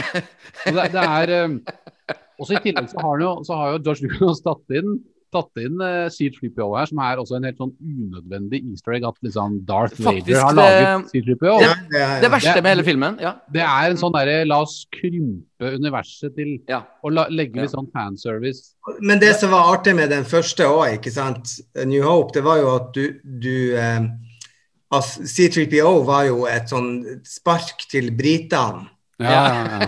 Ikke sant? Det var, jo, jo, men det er jo alltid vært en sånn kamp der mellom USA og England. Så jeg tenker at det var, han, var en sånn stiff upper lip. Stiff ass brits Brit. Ja. Ja. Mm. Jo, jeg, jeg syns jo det, og det forsvinner jo litt. Jar Jar Bings, hva han er, ingenting, ikke Ja, sant? nei, og, og det er jo Så ikke bare at, det- det og så er det noe- ikke bare- og så er det jo ikke bare det at eh, stemmen og utførelsen av karakteren er på en måte, altså han Ahmed Best gjør jo det han kan, og kanskje gjør det han har fått beskjed om, og det gjør han på en måte bra, men, men når det da i tillegg høres irriterende ut, så er det også de replikkene du får, er bare sånn stereotyp, oppbrukt klisjé, prompehumor, liksom. Ja, Sånn han, han tråkker bokstavelig talt i bæsj. Han tråkker i bæsj, og så er det en sånn kamellignende analkamel som promper på han rett før den podkast-racen der. Så det er så dumt. Det er sånn er, er det liksom Nå har vi noe bra dataanimasjon, da kan vi legge inn noe kul Ja. prompehumor fordi vi kan gjøre det, liksom. Ja. Altså, det, det, det, det kler ikke det universet i det hele tatt. Nei, det, og det er derfor det som er artig med A New Hope, er jo at det er så dønn seriøst. Ja, ja, ja. Mm, mm. Altså alt er så gjennomseriøst ja. at, at humor til C3PO blir comic, relief. Yes. Ja. Mens ikke sant? her er det liksom Men det er, det, det er derfor det blir verken fugl eller fisk. ja. Ja. Det blir fish and chips. Knut eh, Løksen nevnte jo nettopp eh, Ahmed Best, som er altså da han skuespilleren eh, En flott eh, engelsk-jamaicansk eh, eh, musikalartist, faktisk. Han var opprinnelig med i musikalen Stamp og har dans, eh, dansebakgrunn der. Og til og med vært, eh, vært med i et sånn acid jazz funkband på 90-tallet. Han er en veldig funky, cool dude, men den skjebnen han fikk av at han spilte Jar Jar Binks, var jo hat fra ende til annen. Og det er jo så klart ufortjent, for det er jo ikke han man burde være sint på. Det og egentlig regien George Lucas har gitt karakteren Jar Binks. Men det, gikk- det gikk faktisk så langt at eh, for uh, ca. ti år tilbake så var han så langt nede han Ahmed best at han sto rett og slett uh, på en bru, altså. Uh, og lurte på om han skulle hoppe eller ikke. Og heldigvis så fikk han et barn noen år senere, og nå har han virkelig fått gnisten tilbake. Og vært så tøff og delt slike historier med fansen.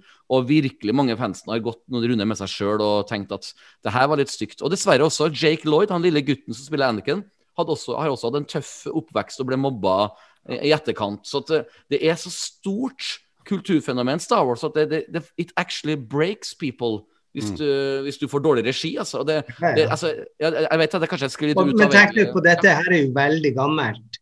Ja. Og, Mm. altså, og til og med da holdt på nettrollene, liksom. Ja, Ja. ja, virkelig. Tenk deg hvordan det er nå. Ja. Ja. ja. Det er altså det, Det er derfor det er artig å se at de klarer å holde liv i franchisen, også med, med Mandalorian, som blir større, tenker jeg. Mm. Hvis de klarer å holde på det de har klart å skape der, både i, i alt. Ja, men det tror jeg de klarer. For hvorfor skal de snu den skuta der nå? ikke sant? Det er, Ja. det er, Men det, vi det vet er, aldri, men derfor hvorfor skal han snu den sist?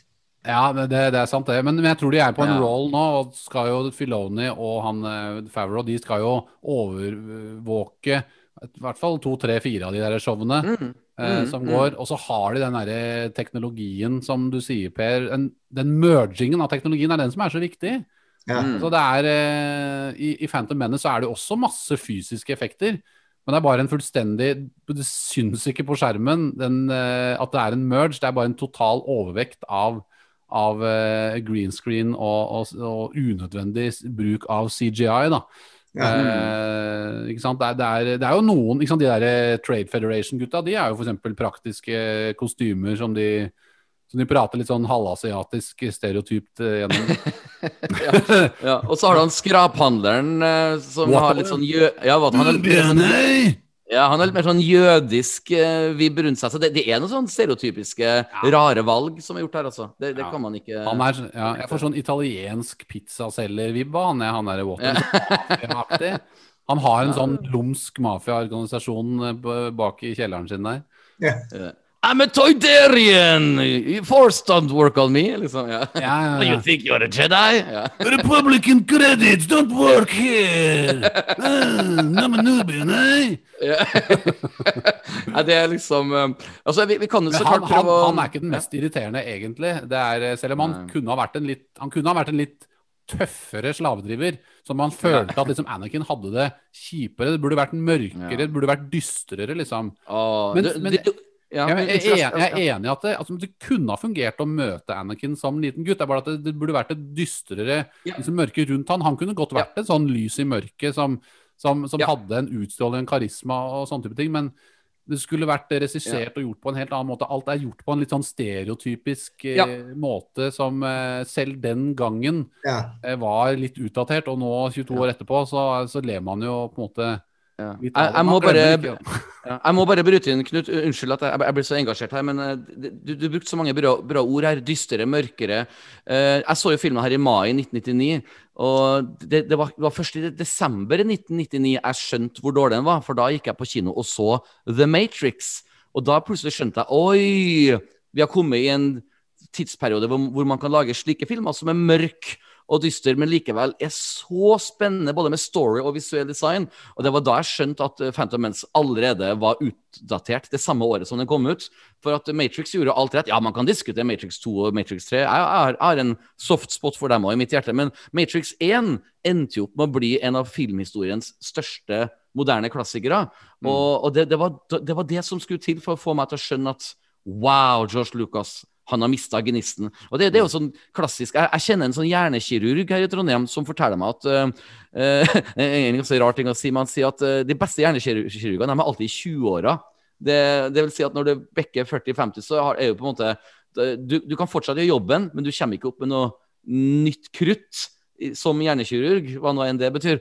Og det var litt sånn i Hollywood òg, altså. At uh, The Wachowski Brothers, eller The Wachowski Sisters, altså, de, de de, de var virkelig den nye vinen, kan du si. Og det er jo også en liten Ari Behn-referanse når han var ung og følte at han var den nye vinen. Og det er det det George Lucas var en gammel, sliten mann som egentlig rota til jeg, jeg vet ikke, Hvilke forhold har dere til The Matrix? Tenkte dere noe av det samme når dere så hvor bra det egentlig kan gjøres i 1999? Ja, jeg tror jo også det har med, med den sultenheten, og, og så har de Ja. begrensa, budsjett. Ja. Mm. Sånn at de må gjøre det beste ut av det. Altså det er et eller annet der med at de uh, Men igjen så kan du gå og se på det, så skuespillet er jo ikke det, altså Mm. er det er ikke det ypperste. Men de gjør jo Nei. mye ut av det lille de har, de som er med. De er jo veldig karismatiske, kule folk. Mm. Mm. Og det syns jeg jo ikke Hugh McGregor og Liam Neeson og Natalie Portman var i den her. Nei, hvert fall hvert fall, selv om de er jo bedre enn mange av de andre som er med, eh, og det sier jo for så vidt litt om, litt om den filmen. Jeg synes kanskje det, Han som er best, det er jo Palpatine. Altså det er han Ian McDermott. Det er han som på en måte har en litt sånn swagger, litt sånn flair over seg. Eh, du får jo se mer av han i de neste to filmene, selvfølgelig. Men eh, det er han jeg syns Han har jo vært min favorittkarakter i prequel-trilogien, egentlig. Eh, og så syns jeg Obi-Wan også var mye bedre i Revenge of the Sith, for eksempel. Og, og så, ja. men for eksempel skjegget til Obi-Wan i Attack of the Clones er veldig rart. Det er sånn derre pudrete kjønnshårskjegg. Liksom. Har du lagt merke til det? Nei. når du sier det nå, så ja, ja. Ja, det er jo liksom en 250 millioner dollars film, liksom, med de feteste datidens effekter. Og så har du Ja. pubic hair som skjegg, liksom. Det er det, Ja. Skjegget er heldigvis bedre i Revenge of the Sith, da, så det er jo liksom eh, Men, jeg må bare eh, bryte inn, unnskyld, jeg må bare bryte inn, fort, bryte inn fort og si at Ian McDermid, som da spiller Palpatine, det er veldig mange ikke vet om han er han er jo en stor, respektert teaterskuespiller i London, som også har veldig mye regi på teaterstykker i, på de største teatrene i London. Så ryktet har det seg til at når han da var på settet på Star Wars-filmene, så ga han seg sjøl regi. Det er derfor hans karakter er litt sterkere enn de andre som tok imot regi fra George Lucas, for Ian McDermott er såpass uh, I'm not flink. surprised, altså. Fy faen. Yeah. Jo, jo, det, men det er jo flere av disse herrene som kommer ned. Og som, tenk på Mandalorian. Mm. Han som spiller med maske hele tida. Jeg var så Ja. overrasket at han ikke fikk en Golden Globe-nod. Mm, Ja. mm, mm. For det er ganske Ja. kult, det han gjør. Ja, det stemmeskuespillet hans også er jo Ja. Det er jo på en måte det det er. Eh, han er jo i drakten sikkert bare en tredjedel av tiden, kanskje mindre òg. Eh, det er jo to andre stuntfolk som spiller eh, Det er én det er en sånn martial arts-type, og så er det en sånn gun-fyr Ja. som er ekspert på det, som, spiller, som gjør de forskjellige scenene. Ja, ja, ja. Og så er det jo da han eh, Mandalorian selv, da. Altså eh. Pedro Pascal. Pedro Pascal. En, en, en Bare husk, bare husk Pedro, på R-en der. Ja, en liten artig ting som eh, veldig få har lagt merke til med Pedro Pascal, er jo i den episoden av sesong to av Mandalorian der han må ta av seg hjelmen, og så må han sitte vet du, i den derre um, The Empire-kantina og snakke med han um, um, Ja. uh, Snakke med disse to guttene. Og da er det slik at hvis du ser nøye på hans uh, skuespillchops, altså Pedro Pascal, så ser han på folk som om han har hjelmen på seg. For når han snur seg og titter opp, så bruker han hele hodet og løfter opp øh, øynene sine. altså på en måte som om, For han er så vant til å ha på seg hjelm, så når han da har hjelmen av, så gjør han fortsatt bevegelse som om han har på seg hjelm. Så det er artige, subtile eh, skuespillervalg som jeg syns er absolutt verdt til å få seg en Golden Globe-nominasjon, i det minste. Så, Ja. Og det er jo en herlig skuespiller, altså. Han, eh, han jeg, er jeg, jeg, så, jeg så han i Wonder Woman 1984. Da spiller han en slags Donald Trump-lignende karakter. Da var han litt over det topp, men det var sikkert regivalg igjen. Så at, eh, Ja, ja, ja, klart. det, det er Regivalg kan fort sikkert forsvinne litt i sånne store staffasje blockbuster-filmer. Hvis man ikke har Ja, ja, de rette folka som tar seg av de intime tingene, Ja. så, så får du problemer med de eh, At det kan skli ut litt her og der, eh, tror jeg. I liksom Ja. de Så tenker jeg sånn som Natalie Portman er jo sikkert ikke klassisk utdanna. Nei, nei, nei. Nei. Hun, var, hun, ble, hun ble funnet på en kafé fordi hun var pen. Hun var jo veldig ung. Hun var bare 14 år, 13-14 år når de spilte inn eh, 14 tror jeg var når de spilte inn Phantom Menace. Hun har nesten kun gjort Leon før og noen få andre Ja. filmer. Ja, Ja. Så hun var veldig ung. Eh, Ja. Så hun eh, gjorde vel mye av sine erfaringer gjennom prequel-trilogien, faktisk. Ja. Mm. Eh, så det så Sånn er jo det. Men eh, ja. Men det, er også artig at ja, Unnskyld. Ja. Mm, Vær så god, Per. Mm. nei, men det er artig med Jake Lloyd, som aldri ble noe. Nei, stakkar. Ja. Han, det går visst bedre med han, for han dukker opp på sånne Star Wars-fester rundt omkring. Og, så det, det har liksom retta seg opp litt, da, har jeg lest. At det, det, det går litt bedre. Men det er som du sier, Petter, han, han ble offer for mobbing. og Ja, ja, Du spilte liksom selveste Anakin Skywalker, så ender du opp med å bli mobba! ja, det skal ikke gå an. det skal Men, ikke være eh, mulig. Og i den neste prequel-filmen, altså Attack of the Clones, så er det jo Hayden Christensen som spiller Anakin Skywalker.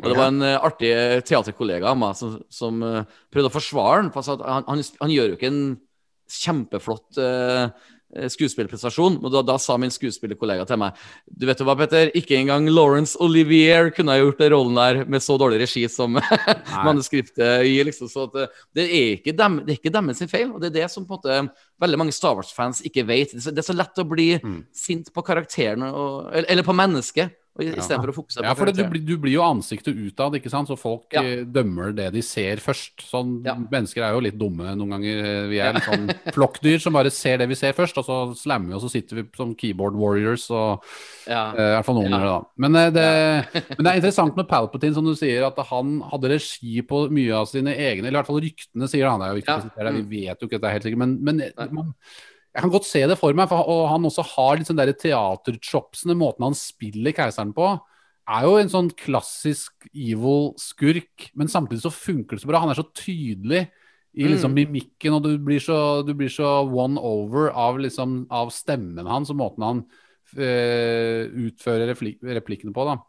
Ja. Og eh, for de som ikke vet det, det vet jo sikkert de fleste som hører den passen, han spiller jo selvfølgelig også keiseren i originaltrilogien. Da var han jo selvfølgelig mye yngre, men eh, med mye makeup, da. Eh, så, sånn at det, så det, jeg synes det, det valget er egentlig det kuleste med prequel-trilogien, er at han fikk tilbake Palpatine.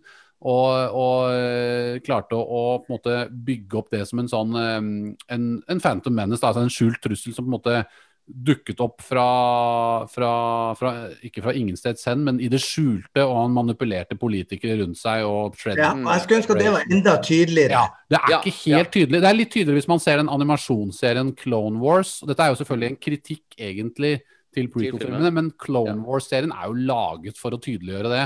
Den Ja, det er jo seks sesonger, nei syv er det jo nå, da. Mm. Uh, og den er, den er veldig sånn hit and miss. Noe er dritbra, noe er hit, liksom eh, Der eh, Yoda drar med sånne padawans ut på noen sånne, sånne barneyounglings som går ut og trener på en isbre liksom, i en episode. Og så plutselig kommer det episoder med mye mer kjøtt på beinet som, som, mm. som viser litt tydeligere hva som hva motivasjonen til Palpatine er, da, og hvordan han play both sides, og hvordan han setter disse folkene, eller grupperingene mot hverandre, sånn at han, han til slutt står jo igjen som offeret og helten, da, sånn som han gjør i, i Revenge of the Sith. Mm. Men det er jo en svakhet ved prequel-trilogien at den ikke klarer å gjøre det på egen hånd. At det må en syv Ja, sesonger, ja, ja. syv sesonger med animasjon for å liksom det, det er jo akkurat det som er problemet. Ja. Så det, Men, eh, det, er jeg, det er jeg enig i. Og så syns jeg litt ja, Hvis dere har vært i Las Vegas, så minner noen av de her kulissene meg om Las Vegas. Ja. Ja, Eller altså de animasjonene. Ja. ja litt, sånn, litt sånn lobbyen i et sånn kasinohotell. Ja. liksom. Ja. Ja. Litt fargene, ikke sant? Ja. Ja. At alt er sånn oker og rosa og Mm. uh, Så sier liksom keiseren Do you want to play blackjack? Men jeg lurer på om Men, man eh, tenker, tenker romersk, mens jeg syns det ser Las Vegas-romersk ut. Ja, ja, ja. Ja. Det, det er definitivt Las Vegas. Josh, Lu Josh Lucas har vært der vet du, med barna sine på lange, lange helger.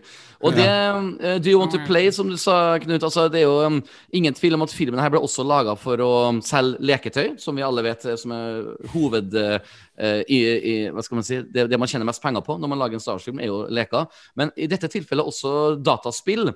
For det er jo tross alt en podrace med i filmen som varer ufattelig lenge. Men jeg må spørre deg, Per, har du tenkt over egentlig hva den podracen minner deg om, sånn uh, story-wise? Grease. Unnskyld, hva sa du, Per? Grease. Grease? Lam Grace, ja. Grace Kelly? Nei. Nei, det er Grease. Grease. Filmen Grease, med John Travolta. Ja. Det, jeg, jeg tenkte på Flåklypa Grand Prix. Altså racerscenen i Flåklypa Ja, Grand Prix. og der må, der må jeg skyte inn, for den er jo li, det, det som er rart, er jo det at den er veldig lik Flåklypa Grand Prix. Og det er nesten utenkelig å tenke seg at ikke George Lucas har sett Flåklypa Grand Prix. Men dette her har han faktisk, han har faktisk benektet det, og han har sagt at den er mer inspirert av Ben Hur. Eh, Ah. eh, eh, Ja, men alle de her har jo disse klassiske, Ja. ikke sant? Ja. Men, Ja. Den, men jeg har sett Jeg så den der Ben Hur-scenen. Ja. Den ligner mer på, på Flåklypa. Altså, Den gjør det, altså. Den gjør det. Den, Ja. men det er, jeg ser jo likheter f.eks. Når, når de hjulene hekter seg opp i, i de der, på de vogn, kjerrene i Ben Hur, f.eks. Ja. Så ligner Ja. det litt på hvordan han eh, Bodo! Han derre Ja. ja. Banta Det er jo også litt Ja. Det universet der ser jo litt ut som Ben Hur. Ja. Ja, ja, det er litt det. det er, ja, ja. I don't like sand. Ja. Nei, men det er også noe med at uh, den pod-race-utstyret til Anakin blir jo litt sabotert. Og det skjer jo også i Flåklypa at Blodstrupmoen eh, ødelegger litt av biler Il Tempo Gigante. Og Ja. når eh, racet starter, så starter ikke pod-racen à la Flåklypa. Og når det endelig vinner, så får han superfart på slutten. Altså, det er veldig mange like trekk, altså. Så jeg har vanskeligheter for å tro at eh, George Lucas ikke har sett Flåklypa Grand Prix. Jeg, jeg, jeg så Flåklypa Grand Prix på nytt igjen nå i romjula. Og jeg jeg, ikke bare blir jeg overvelda, men jeg blir litt rørt over hvor fantastisk Ja. tidløs og bra den filmen holder seg. Så det, det, det, er Ivo Caprino sa jo selv i et intervju at 'men min scene er bedre', sa han. ja. ja, men der er jeg enig, altså. Men jeg syns jo faktisk, til, eh, ja. til Phantom. Menace forsvar, jeg syns jo Podrace-scenen er veldig bra. Den er, det, er noen, der er jo, det er et eksempel på hvordan Lydeffekter er bra. lydeffektene er, er Mm. panser der. Altså, Ja, ja. Skal jeg gjøre det en gang til? Nei. Men der, Jeg det, tenker er, eh, der er det noe med ikke sant? Der er det en litt sånn blend av eh, hvor effektene fungerer. For du har, det er mye lettere å animere romskip og få det til å se troverdig ut. Og det ser, ganske, det ser fortsatt tøft ut i dag, selv om det er fullt dagslys. Og så er det og så er det hurtig tempo. Det skal jo gå i hurtig tempo, for det er Podrace. Du yeah. ser ikke ting liksom Det er ikke liksom nærbilde av et ansikt som skal ha mimikk og dataanimasjon, liksom. Mm. Og det går veldig fort unna, og det er morsom action. Det er liksom ganske kult det som skjer underveis. Det er liksom sabotasje, og det er liksom litt yeah. spenning underveis. Du har Sandpeople som står og skyter på dem. Au, au, au, au. Og, de har eh, Så så der syns jeg liksom det er flere ting som fungerer, ikke sant. Og så har du Anakin i cockpiten sin, og der syns jeg han på en måte fungerer litt bedre, for han snak, snakker jo ikke så mye. Så han eh, han gjør jo bare mest ting, ikke sant? Og altså der, eh, der, der er det en sånn merging av teknologier, og liksom Det er en scene som fungerer eh, bra. det, det jeg skal inn på, skjønner Jeg har en liten sånn rød tråd her. Det er at eh, For alle husker på Polo Racen. Og det andre man husker på fra filmen, her er jo så klart Darth Maul som slåss med sin ut, ut, ultrakule lasersverd mot Obi-Wan og Quaigon.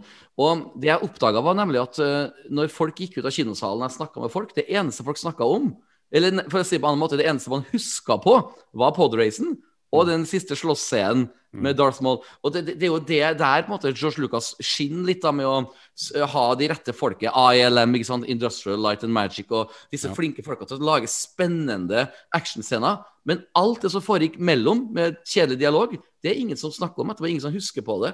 Og det, og det, og det er jo 80 av filmen, så det er veldig fascinerende hvordan vi lar oss bli lurt da, til at noe er bra, bare fordi det var én tøff scene, eller da to, da, i til- tilfelle. Har du tenkt på det, Per? At den slåssscenen på slutten, det er jo den man sitter og husker på mest? Ja da, men også tenker jeg at det er jo noe som mangler for at det du husker i, i, i, i spillet i, i, i de neste, er jo at de, det var kjærlighet, altså det var en Mhm. love story. Det er helt Mm. borte.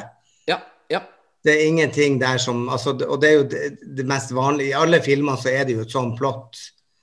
Ja. Altså, nå er jo alle helt kjønnsløse. ja. Kjønnsløs. Jo, det er jo det. Det er jo Ja. ingen som har lyst på hverandre, uansett Nei. hvor. Og det tenker jeg, det er jo dritviktig i en historie. Det må være en dash av Romeo og Julie i det. Ja, ja, ja. Um, Attack of the Unix, eller uh, Ja. evnukkene angriper. ja. Men det er ikke sant, men tenk at dronninga kunne hatt en love interest. Eh, Liam Neeson kunne hatt en som gjorde at det ble verre at han døde. Liam Ja. Neeson og Pat May. Jo, men nå dør han. Ja. ja, men nå dør han Det, det, det, blir sånn eh, David Eriksen-greie, det. Med 24 år yngre kjæreste. Hun er, ja, ikke sant? Ja, Ja, men hun ser jo mye eldre ut. ja det gjør hun. i hvert fall med den påfyllkostymet og liksom eh, ja.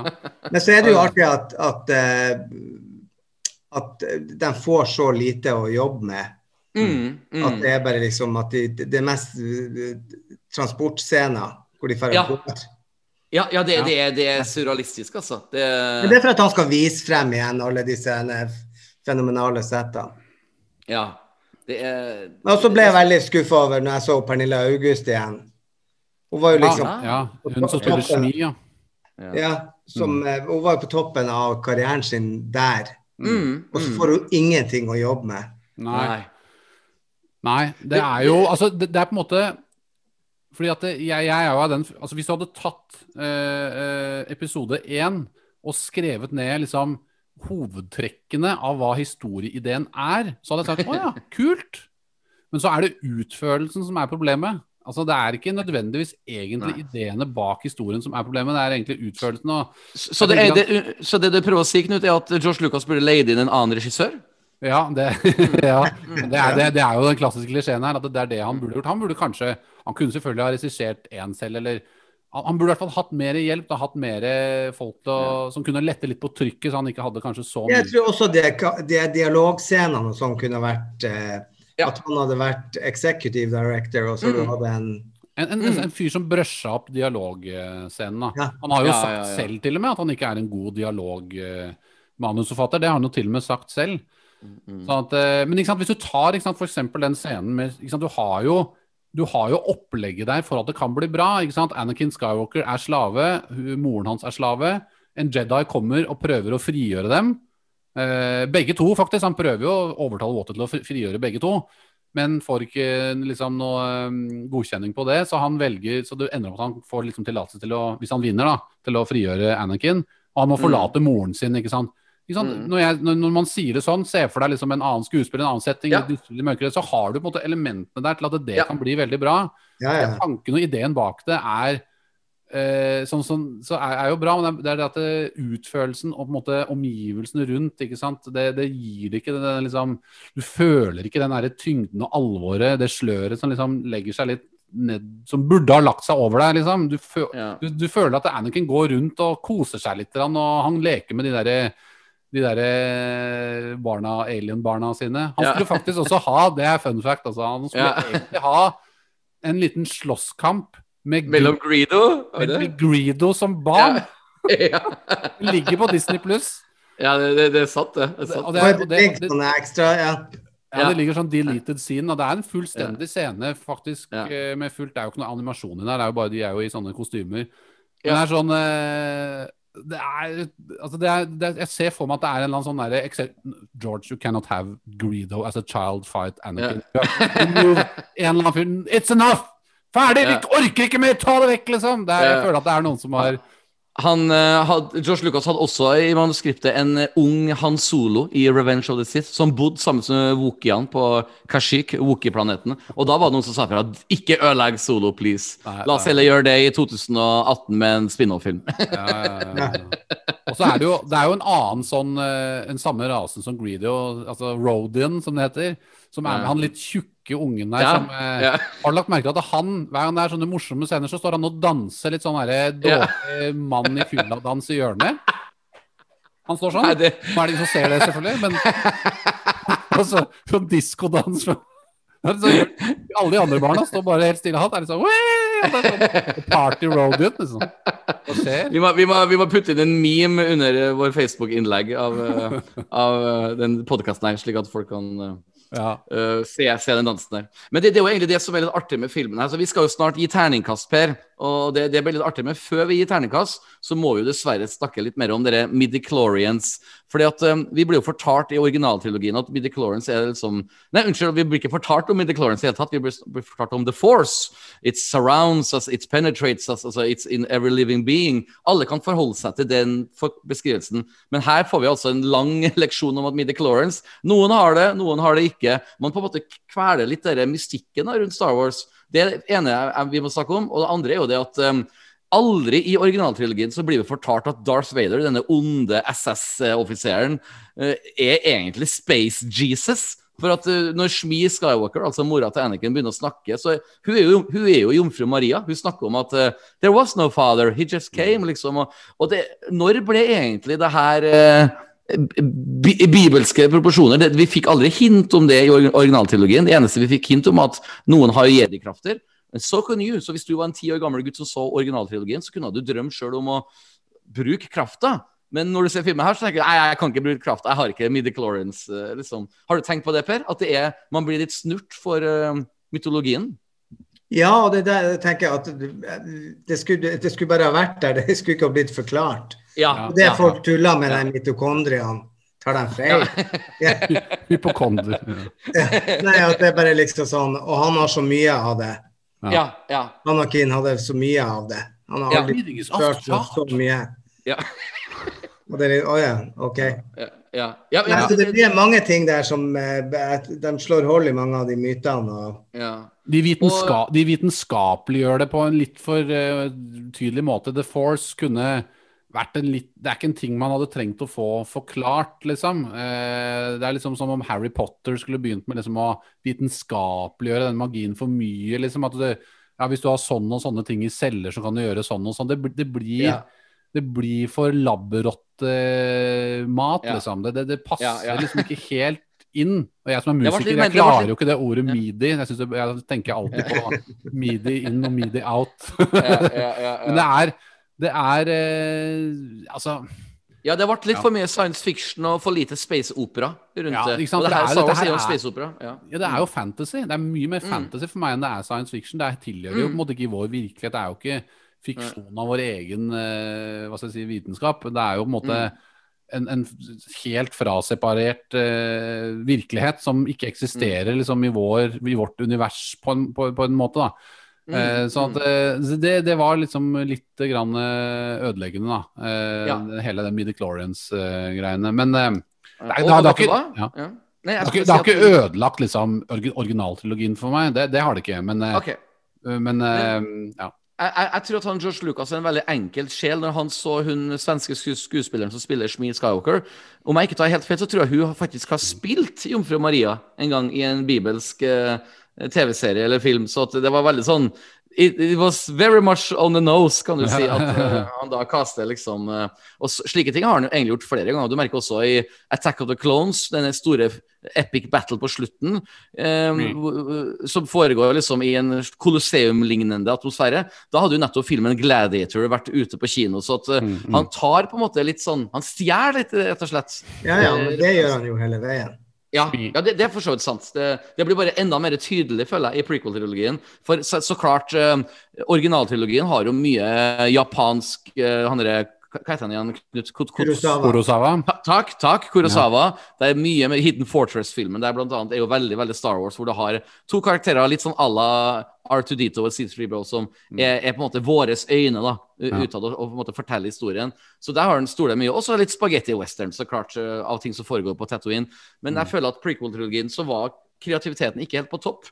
Og konklusjonen min er jo så klart at han burde bare leid inn en ung David Fincher eller en, en slik type regissør. Kanskje til og med Steven Spielberg, for å komme inn og ha regi da på prequel-trilogien. Mm. For han, det, det, var det han gjorde med episode fem og seks. Det var andre regissører på Empire Strikes Back og Return of Jedi. Mm. Og det tror jeg kanskje Og det var jo fordi han var så sliten etter episode Ja. Han var helt utslitt. og han liksom tenkte ikke tanken på å orke det, eh, rett og Mm. slett. Men eh, han hadde, når prequel-trilogien kom, så var det som du sier, han var mer etablert, mer penger. Satt, altså Han Ja. følte nok at han kunne sitte der og, og, og gjøre veldig mye selv. Eh, men, Ja. men det er å ikke ha de kritiske røstene rundt deg, det er, det er litt skummelt. Altså, du på en måte får eh, Altså, prequel-trilogien burde egentlig bare hete No Darlings Killed. Men det er liksom Ja, det- det, det, det, da blir- det blir et problem, ikke sant. Det blir sånn, alle blir sånn ja-mennesker rundt han sikkert, ikke sant. Og han er Gud, Ja. ikke sant. Og, og han er jo på Ja. mange måter det. Han er jeg elsker George Lucas. Han er ekstremt kreativ. Han er en person som kan overbevise med studium at dette er noe man kan satse på. Jedis og The Force og helt ville ting, liksom. ja. Eh, så um, Nei, han er, han er jo klart en, en legende. ja. Ja, for han har jo ja, han har jo fått det til flere ganger, Per. Altså, han gjorde jo det samme med å skrive historien til Indiana Jones, som Ja. i min Ja. bok er på mange måter like fantastisk, spesielt de tre første filmene. i alle fall, Mm. er jo eh, Ja. eh, filmer du aldri går lei av å se. På mange måter så har jeg kanskje sett dem flere ganger. Mm. Iallfall sammen med folk. Star Wars er noe jeg liker å se på alene, for jeg vil ikke plage andre med min entusiasme og mine gledestårer. Men Ja. så, så George Lucas har jo noe til og med America Graffiti. America Graffiti er jo en, eh, et lite mesterverk av uh, 60-talls nostalgifilm laga på 70-tallet. Så at uh, Ja. han, uh, han, han har eh, skills, men ja. han er kanskje eh, jeg, jeg hater å si at altså, Jeg er 42 år, så jeg begynner å bli voksen sjøl, men jeg føler at når jeg går i studio og lager låter nå, så føler jeg at alt er bedre enn det jeg gjorde for 10-15 år tilbake.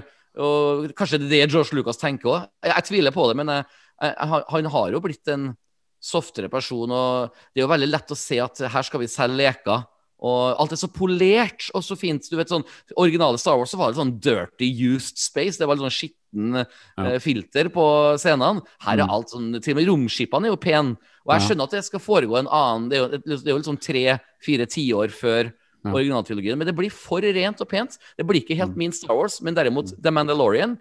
That's my Star Wars. Det er den Mm. Star Wars jeg liker. Så eh, når jeg får kompiser noe som, som aldri har sett Star Wars før, så spør meg hva de skal se, så sier jeg bare jeg ser 4, 5 og 6, og så The Mandalorian. Trenger ikke å stresse med alt det andre. Men hva syns vi for eksempel om eh, Hva syns dere om lyssabelfightene da i Phantom Menace? Det er veldig koreografert, da. Ja. Eh, så at det, det er lite regi på emotions. Ja. Ja, det er, det er lite regi på emotions, det er som du sier, men selve koreografien og liksom Det, det, det er en ting som på en måte holder seg. Eh, Ja. Jeg syns jo på en måte at Duel of the Fates-duellen på slutten har jo eh, en del mening i seg hvis man tenker etter, men filmen gjør det også heller ikke klart nå. Altså, for at Obi-Wan er jo da Nei, jeg mener eh, Qui-Gon er jo han som på en måte skal lære opp Anakin Skywalker. Eh, og det er jo på en måte derfor en veldig viktig duell, da, ikke sant? men han, han dør jo. Så da Anakin Skywalker mister jo da sin sitt måte, farsfigur da, i Qui-Gon Ja. Jinn. på en måte. Men Ja. det er ikke filmen flink nok til å liksom få fram. for at hvis, du, hvis man hadde gjort sånn som du sier der, eh, Petter, at man følte de følelsene av at det, kanskje Anakin var til stede i den scenen Ja. og ser at Qui-Gon Ja. Men det, er det, ja, altså, det er ikke noe Han har ingenting å ta. Nei. Han kan bare dø. Ferdig. Ja, så man føler ikke det. Og Anakin er jo oppe i verdensrommet og driver og skyter ned aleine. Now this is pod racing! Ja, ikke sant? Det blir så veldig barnefilm. Det blir, Ja. det blir jo barne... Du kan heller Det blir liksom uh, Karius og Baktus-stemning, liksom. Det, det er liksom Det blir så veldig tullete. Eh, så han, han burde heller vært med i den scenen. Burde bygge opp dramaet, bygge opp følelsene, på en måte. Ja, ja, ja, virkelig. Så ja. Altså, altså, jeg har en sånn klar teori om at Qui-Gon Jinn og Obi-Wan Kenobi burde smelte sammen og bli én karakter som heter for Obi-Wan Kenobi. For det er jo den karakteren vi har kjennskap til fra før av. Ja. Og det er jo den karakteren som burde ha fått mer spillerom, og hvor han skulle lære opp uh, Anakin. Ja, vi får det så klart i neste film, men det burde Ja. vært etablert allerede her. For filmen her på en måte står Den står ikke på egne bein, kan du si. Ja, Eh, eller, eller, at Qui-Gon og Obi-Wan og Anakin var mer sammen utover i filmen. Ja, Eh, sånn at ja. du får det der forholdet mellom Anakin og Qui-Gon og Obi-Wan mer tydelig fram. Ja, altså, de, relasjonene mellom menneskene blir tydeligere. han som var farløs, hadde plutselig fått seg en far, og så blir han revet Mm. bort ifra han. Ja, Mm. Men det får vi får ikke reaksjoner på det. Nei, det er akkurat det. Og, og det er sånn, det er en fullstendig mist opportunity. Og jeg tror at hvis man hadde hatt med det, så hadde, så hadde man ikke Sånn som filmen er nå, så hadde det kanskje fungert bedre med bare en Obi-Wan, f.eks. Men hvis man hadde hatt med Anakin videre, så kunne, så kunne det fungert bedre med både Qui-Gon og Obi-Wan. Eller, ja. Det er Ja, sikkert, sikkert mange måter å gjøre det på, men det er, det er sånne ting som eh, filmen mangler litt. Grann, da. Jeg, jeg kan jo fortelle dere én ting de gjorde feil, og det var jo at jeg kjøpte soundtrack-CD-en en måned før filmen kom. Og jeg var jo veldig spent på disse karakterene, spesielt Qui-Gon Jinn, som var liksom en ny karakter. Og så snudde jeg CD-en rundt og så på alle låttitlene, og en av låtene het for Qui-Gons Noble End. Så da fikk jeg allerede vite at oi, han dør tydeligvis, han. Det var ikke, det var ikke så gjennomtenkt av Lucasfilm å kalle låta for det. så at, det, det, men altså, alle har lov til å gjøre feil. Altså, man, man skal lære av feil, og det er jo det som er litt sjarmen med Star Wars. At uh, Mandalorian er jo et perfekt bevis på at man har lært av veldig mange feil, og nå gjør man ting mer rett. Star Wars for eksempel, fungerer overraskende på TV. Det er noe jeg ikke var forberedt på, for at jeg elsker å sitte i kinosal og se Star Wars, men jaggu meg fungerer det bra. Altså, Ja, men det er jo også for at de har henta tilbake det gamle universet. Ja. Yes. Hvor var låta Jar Jars 'Horrible Death'? Altså, hvorfor kom ikke det bare Altså, etter sånn Det sto Ja. at, at etter to minutter så bare er det noen som tar en bazooka og bare lemlester Ja. den karakteren Den, fullstendig. den, den låta kommer, eh, og den blir skrevet av Ludvig Göransson i sesong tre av The Mandalorian, for da dukker Jar Jar opp og, og blir drept. Det- Han det er jo ikke død ennå i kanon. Det er det som er problemet. Nei, han, han han er lever fortsatt er ute i galaksen her. Han, han Eh, visst sine dager i en eller annen bok som en sånn gatesjonglør. Okay.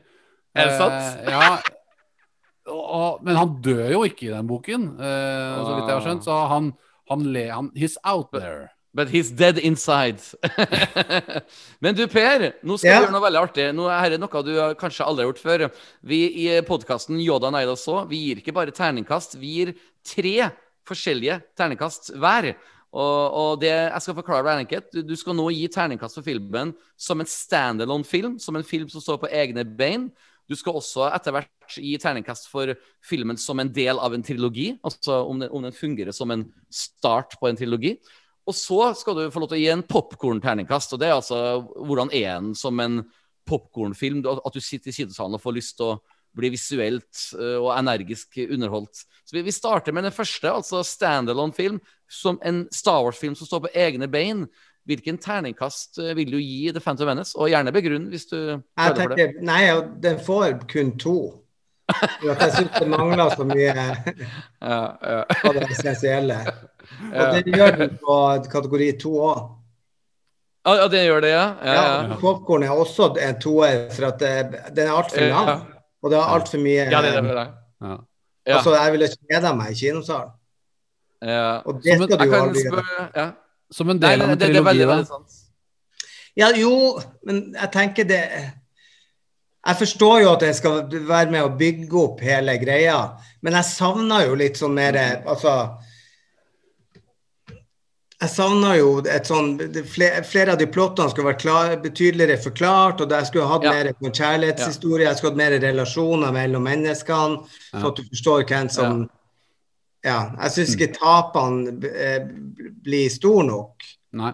Nei. Sånn at, Nei. eh, men det funka jo for så vidt, for at du, du, du får jo lyst til å se neste og håpe Ja. at uh, Jar Jar Binks dør på veien. Ja.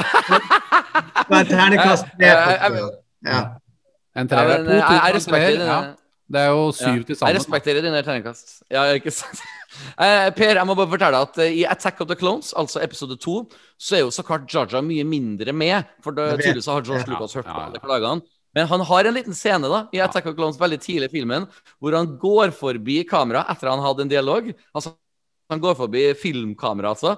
Så ser han rett inn i kamera og smiler, nærmest blunker, som en liten sånn en Fuck you, I'm still here, yeah, motherfucker. ja. Så at, uh, har en, han har en veldig artig form for humor, hvor han sikkert flira seg i hjel uh, når han satt i studio og redigerte sammen. For at, uh, jeg ble jo provosert av det, selv om jeg lo litt i etterkant. For jeg mener. Han har jo lov til å gjøre det, det er jo hans produkt. Det er hans verdi, liksom.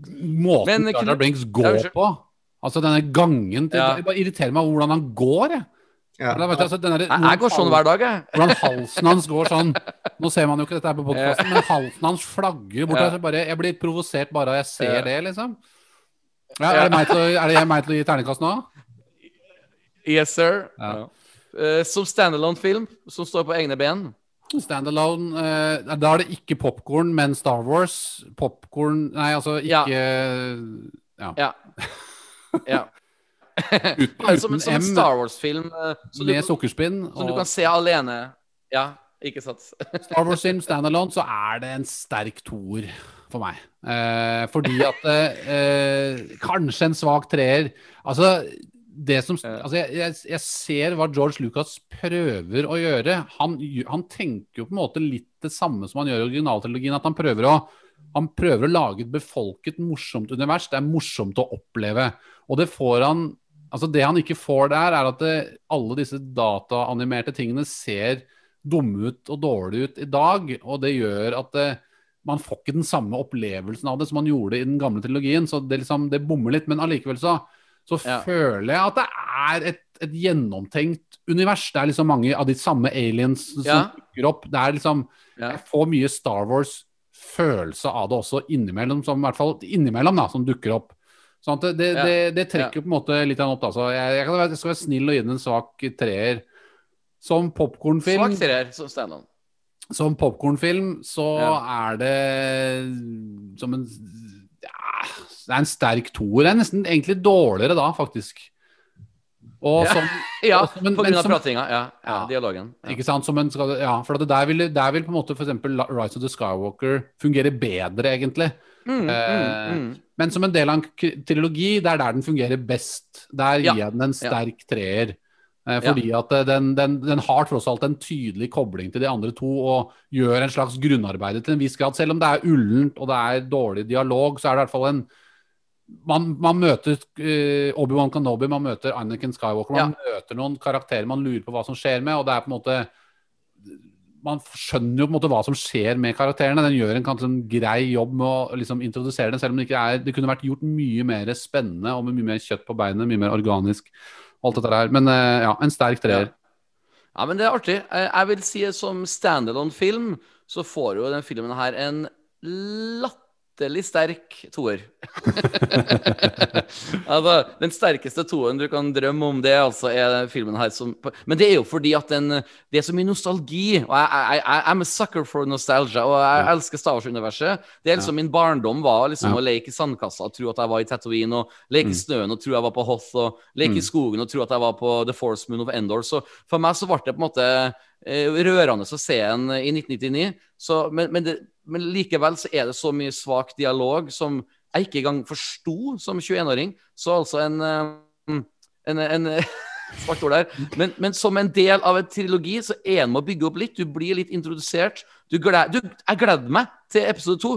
Til Attack of the Clones. Det gikk rykter om at Leonardo DiCaprio skulle spille Anakin Skywalker. Det var liksom sånn Det var mye spennende. Og en, Bob, en Boba Fett-lignende skikkelse skulle dukke opp i toeren, og som viste seg å Det er jo noen, noen sant? Det er jo en ganske kul scene, eksempel når de brenner eh, Som er en parallell til når de brenner Darth Vader i Return of the Jedi. Når de brenner like Ja. til Quaigon Jinn, Mace Ja. Windu og eh, Yoda har en, Der er det en ganske kul di di dialog med Always to there is. Who was, the, was it the apprentice? Was it the master? Yes, yes, og så zoomer yes, de litt inn på Palpatine, på keiseren der. Ja. Ja. En, en, en av de beste scenene i filmen. Eh, Ja. og du ser liksom Og der, der ser du jo Anakin Skywalker. Eh, han sier jo til Obi-Wan 'What will happen to me now?' Så der har du en Ja. slags liten Ja. til Qui-Gon. Den- Det er ja, du scene kjenner litt nerve. Du får litt nerve, du. Ja, der, ja, er- der funger. Det er en av de beste scenene i filmen, og der, der får Mm. de noe til. Og den er veldig. Star Wars-ish, hele scenen. Den er Ja. Så, eh, så ja. Mm. Ja, det er veldig, veldig sant. Også, nei, nei, det går bra. Eh, Jeg skal også si at i Phantom Menace så blir du introdusert til Du blir introdusert til um, uh, Samuel L. Motherfucking Jackson. Og selv om han gjør ekstremt lite, så får, får meg det til å tenke at oi, det kan bli spennende å se hva mer han gjør. Så, så for å gi terningkast som en del av en trilogi, så, så blir det en, eh, en svak treer. Altså litt bedre enn uh, standup. Så for, jeg, jeg, jeg kjente at jeg gleder meg til neste. Altså, det kunne ikke bli verre. Det, altså, Phantom Menace er jo faktisk den, min minst favoritt Star Wars-film. Jeg må dessverre si det. Så, men som popkornfilm så må jeg også holde meg på en treer, for at eh, actionscenene er bra. Uh, Podracen ler man av, og, og ikke minst duellen på slutten med den fantastiske John Williams-scoren, 'Duel of the Fates'. Musikken er jo musikken er. Altså, det er jo det, det, er- altså, det som er så artig med John Williams, han er jeg, jeg, jeg ola meg litt feil i stad når jeg kritiserte at når folk blir gamle, så eh, mister man litt av uh, sin kreative gnist. Og det stemmer jo ikke i hele tatt når det kommer til John Williams, for den musikken han laga i 1999 til The Phantom Menace, er minst like bra som original Star Wars-låtene. Selv om de original Star Wars-filmene, låtene der, har mye mer sånn uh, lett å huske på. Ba-ra-ra-ra-ra-ra, ikke Ja, det er, men det er, fordi, det er ofte fordi at scenene er også mer ikoniske. ikke sant? Ja. sam, samspillet me- me- mellom musikken og scenene er Ja, bare så.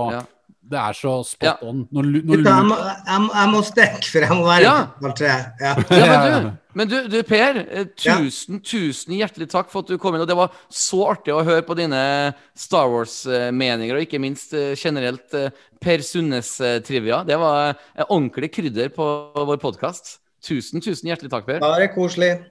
Veldig Ja. bra. Takk skal du ha, Per. Så snakkes, satser vi møtes på scenen snart på West Side Story. Åh, Ja, vi, ja, dere får satse på det, Per. Jeg skal, Ja, skal lure inn noen Star Wars-teams. jeg. gjør det. Ja. Ha det godt. Ha det bra, Per. Hyggelig. Hyggelig. Ha det.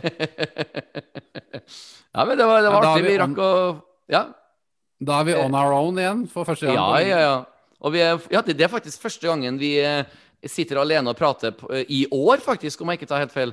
For vi har jo begynt med en ny trend i år med å alltid ha en eller annen spennende gjest. Og det var jo veldig artig for at han gjesten vi hadde i forrige uke, Sean Erik Bjørnskaug, han elsker jo faktisk filmen her, så det har jo på en måte vært eh, artig å høre hans eh, fikk- meninger. ja.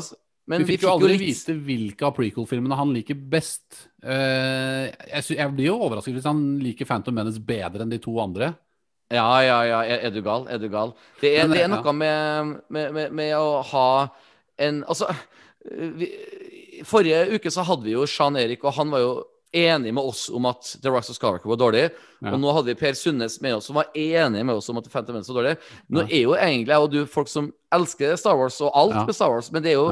Som vi snakka om forrige uke, er litt lettere å snakke om det negative enn det positive. Men Ja. jeg og du vi skal ta, gi oss en, selv en liten utfordring akkurat nå, før vi avslutter podkasten her. Ja. Du og jeg må begge to si én kjempepositiv ting med The Phantom Menace, slik at vi kan eh, end it on a happy note. Nå har jeg note, uh, ja, ja, ja. Ja.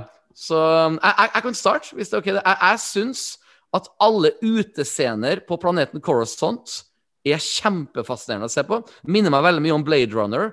Og det er noe sånn uh, uh, I, I, I- got intrigued. Jeg fikk lyst til å se mere. Og når jeg da fikk høre rykter i 2005 om at de vurderte å lage en egen TV-serie som bare foregår i Coruscant, så ble jeg oh my god, fantastisk. Så det, det var min positive ting. Jeg, jeg, jeg kjente det var kjempespennende. Dessverre så var det mye politikkprat uh, på innsida av vinduene, men det var artig å se ut av vinduet. Og se litt Ja, for du, du tenker på de scenene hvor de på en måte står på verandaen der og sånn, og i Jedi Council og sånn, når du ser ut av vinduet. Ja, og så Ja. uh, de, de, de få minuttene før de scenene hvor man får se et litt større blikk på Ja. Coruscant. Det For eksempel når han skal lande på planeten, så Ja. ser du at Anakin er inne i romskipet og titter ut av vinduet, Ja. og så sier han ene piloten Coruscant, the entire planet is one big city. Og jeg bare Ja. Wow! Jeg, jeg kjøper sånne der. Da, da har du fantasien min i tre timer fengsla. Eh, og jeg har faktisk av og til bare fantasert om Coruscant. Jeg til og med hadde lyst til å lage et band en gang som bare skulle ha et slags Coruscant-tema. At bandet bor på en planet som bare er en stor by. Du skjønner hva jeg mener? Ja. Alle de ideene fikk jeg da fra til Phantom Menace. Ja. Og så husker jeg at det var mye sånne promobilder ukene i forveien hvor du fikk se bilder av Coruscant. Og jeg bare. Wow! Skyscrapers everywhere. Ikke sant? Så, at, eh, så det, det er min positive ting som vi ikke har nevnt.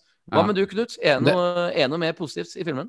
Jeg har jo sagt noen allerede. da. Jeg nevnte Ja. Palpatine, jeg nevnte den scenen, for eksempel eh, Man kan prøve å finne noe som er konsekvent bra gjennom hele filmen, eh, som jeg liksom liker.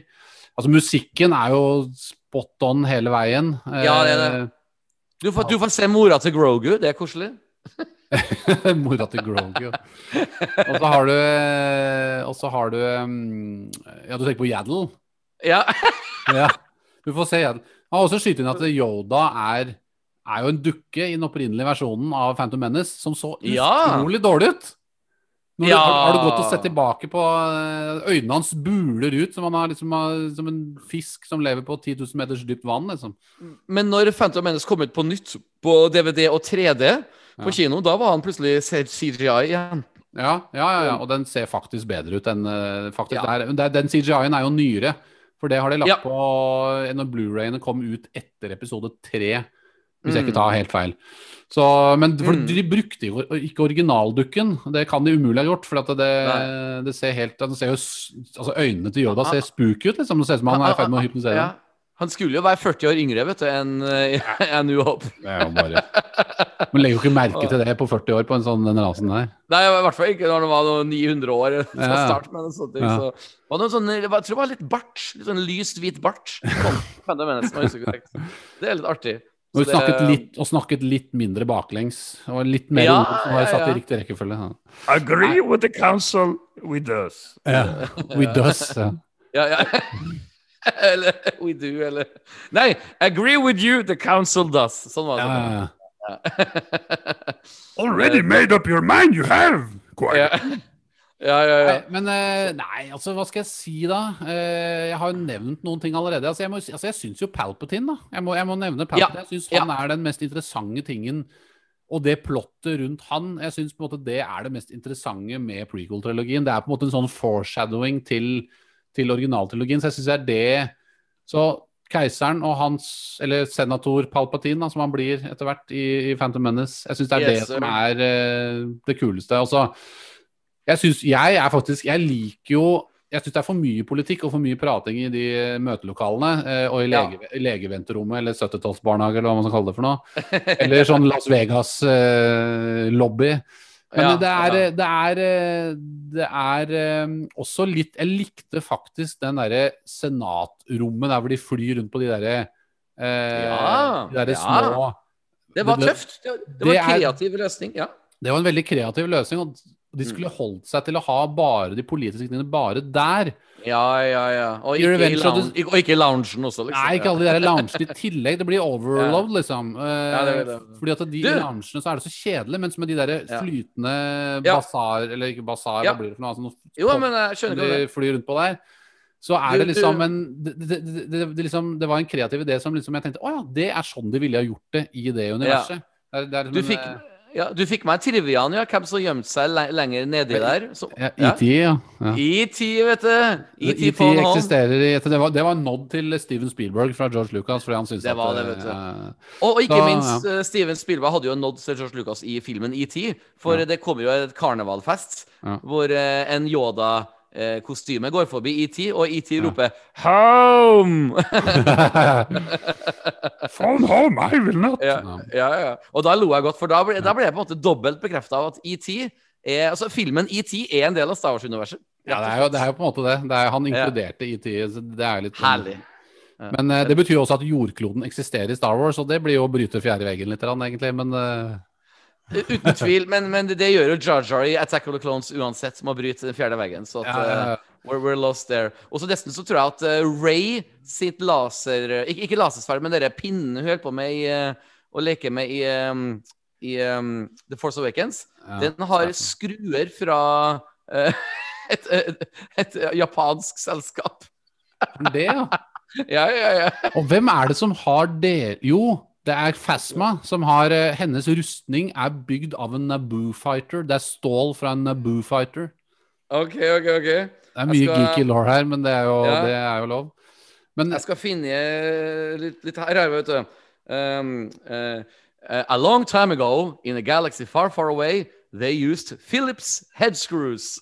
Og så får vi se bilder av liksom, Philips sine skruer som sitter fast i Ray sin, sin stav, liksom. ja, ja. Det er veldig artig. Jeg skal sende den til deg. Men du, Knut, jeg må stikke og hente kiden i barnehagen, fordi at eh, klokka er, såpass mye. Ja.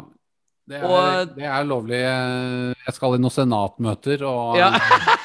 Jeg må jo si at det var veldig artig å ha med Per Sundnes. Den første timen der hvor vi prata om Per Sundnes-lignende Star Wars-trivia, var veldig veldig gøy. Og så hadde han veldig mange fine inn, inn, innspill også i selve Star, altså Phantom Menace-praten. Selv om vi er enige, altså, så det ble ikke noe stor debatt. Men Nei. den tiden kommer, vet du. Men let's face it, Phantom Menace var en, eh, en sjokkerende film som ja.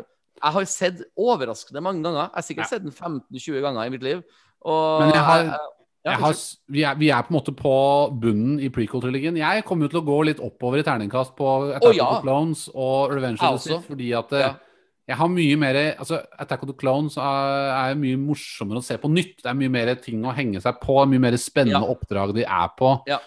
Og så er det jo det at du har koblingen mellom uh, Attack of the Clones og Revenge of the Sith. er jo på en måte, liksom, Du har Obi-Wan og, og. Anakin Skywalker i den eh, alderen de er i, i to filmer. Yes. Mens Ja. eh, så Phantom Menace blir jo liksom Den er jo, må huske på at den er ti år, tror jeg, før Attack of the Clones. ja, ja. ja, ja. Så det, det gjør den liksom litt mer frakobla også. Vel, veldig de- bra sagt. De burde ja. egentlig ha laget egentlig fire filmer. De burde laget Ja. Og ikke møtt kanskje Anakin Skywalker før i episode to. på en måte. Oh, like episode én, og så blir det episode null. Og så, ja. Ja, ja, ja. Ellers så må jeg si at i 2012 så kom jo filmen her ut på 3D-versjon i kino. Ja. Og dette var bare noen måneder før George Lucas eh, og Lucasfilm ble solgt til Disney. Så dette var altså under eh, Lucasfilm slash Fox. Eh, regi. Mm. Ja. Og jeg husker veldig godt at jeg dro på den største kinosalen i Trondheim med fullsatt sal, bare Star Wars-fans, Ja, ja. for å se den filmen her da i 2012 på kino. Og det jeg la merke til, da var at hver eneste replikk, sånn som Is it legal? og, og alle sånne typer rare ting, så lo folk høyt i salen. Så jeg tror at Star Wars-fans flest har akseptert at det her er en litt corky film. Ja. Og folk lo høyt i salen på alle de rare scenene, og så gjespa de liksom litt på senatpolitikkdebattene.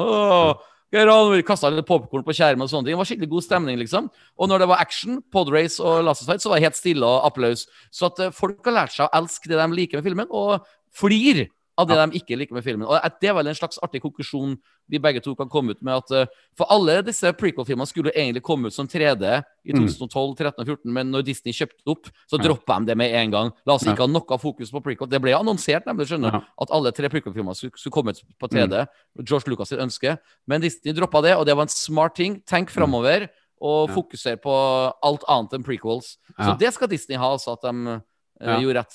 Så, så, så du den på kino i 2012? Nei, jeg gjorde ikke det. Uh, Oh, you missed out, man. Jar Jar in 3D, når tunga spretter ut. Blablabla. Og Obi-Wan tar Nei, unnskyld, Quaigon Qui-Gon tar tunga til um, Ja. til Jar Jar. Du, du kunne ha følt svetten altså slengt i trynet ditt av eh, munnspytt. Og det var magisk. Det er den eneste morsomme scenen med Jar Jar Binks, er når han tar tungen. Don't do that. How rude! For der også er det litt sånn Der, der bryter han litt den fjerde veggen inn i min hode òg, fordi at Ja. han Slutt å være så jævla irriterende, da, Jar Jar Binks! Og det er jo som han sier, som, som Når, når, når, Qui-Gon sier Når de er i den Gungan-byen This Gungan can be of use to us. Så tenker jeg bare yeah. Nei! Han er ikke det! Han er han, Glem han! La han for guds skyld være igjen der. Altså, det er Han kommer til å irritere dere resten av filmen, og det er liksom. Når han tar Hva var det han Qui-Gon sa? The, um, the ability to speak does not make you intelligent. Så det er jo også et veldig sånn godt eh, eksempel. På Og, så- og så sier jo også. Obi-Wan should, should we really pick up more pathetic life forms? Det, det er egentlig avslutninga. Ja, det er avslutninga på vår podkast. Akkurat det. Ja, det er det. Men jeg, jeg, kan, jeg kan avslutte på en liten high note og si det at eh, Phantom Menace har i hvert fall en plass i kanon eh, som Ja. på en måte fungerer oppi hodet mitt eh, som en slags eh, Det kan jeg ikke si det samme om f.eks. Rise of Skywalker. Åh, også- jeg er enig. Jeg er Derfor enig. er, derfor så er også terningkastet mitt på Phantom Menace bitte litt Ikke på popkorn-terningkastet, men som en del av en trilogi. Ja. Bitte lite grann høyere. Ja. Eh, så den, den har fått en plass i kanon som Ja. fungerer. Eh, så, så, så det skal den ha. Den, den er på en måte Man glemmer ikke prequelene. Man glemmer ikke Is it Nei. legal?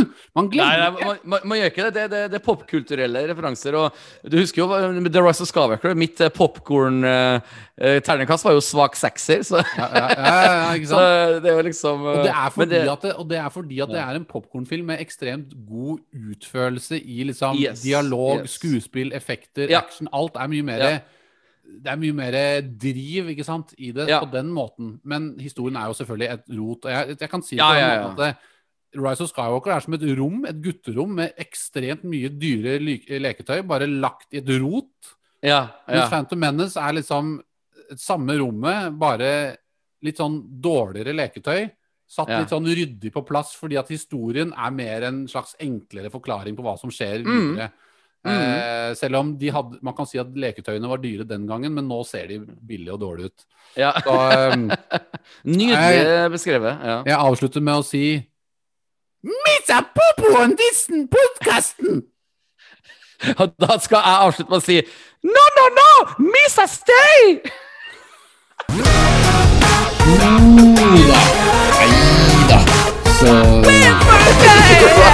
Nei da. Så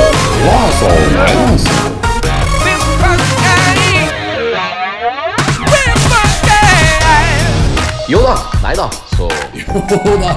Nei da. Så Jo da. Nei da.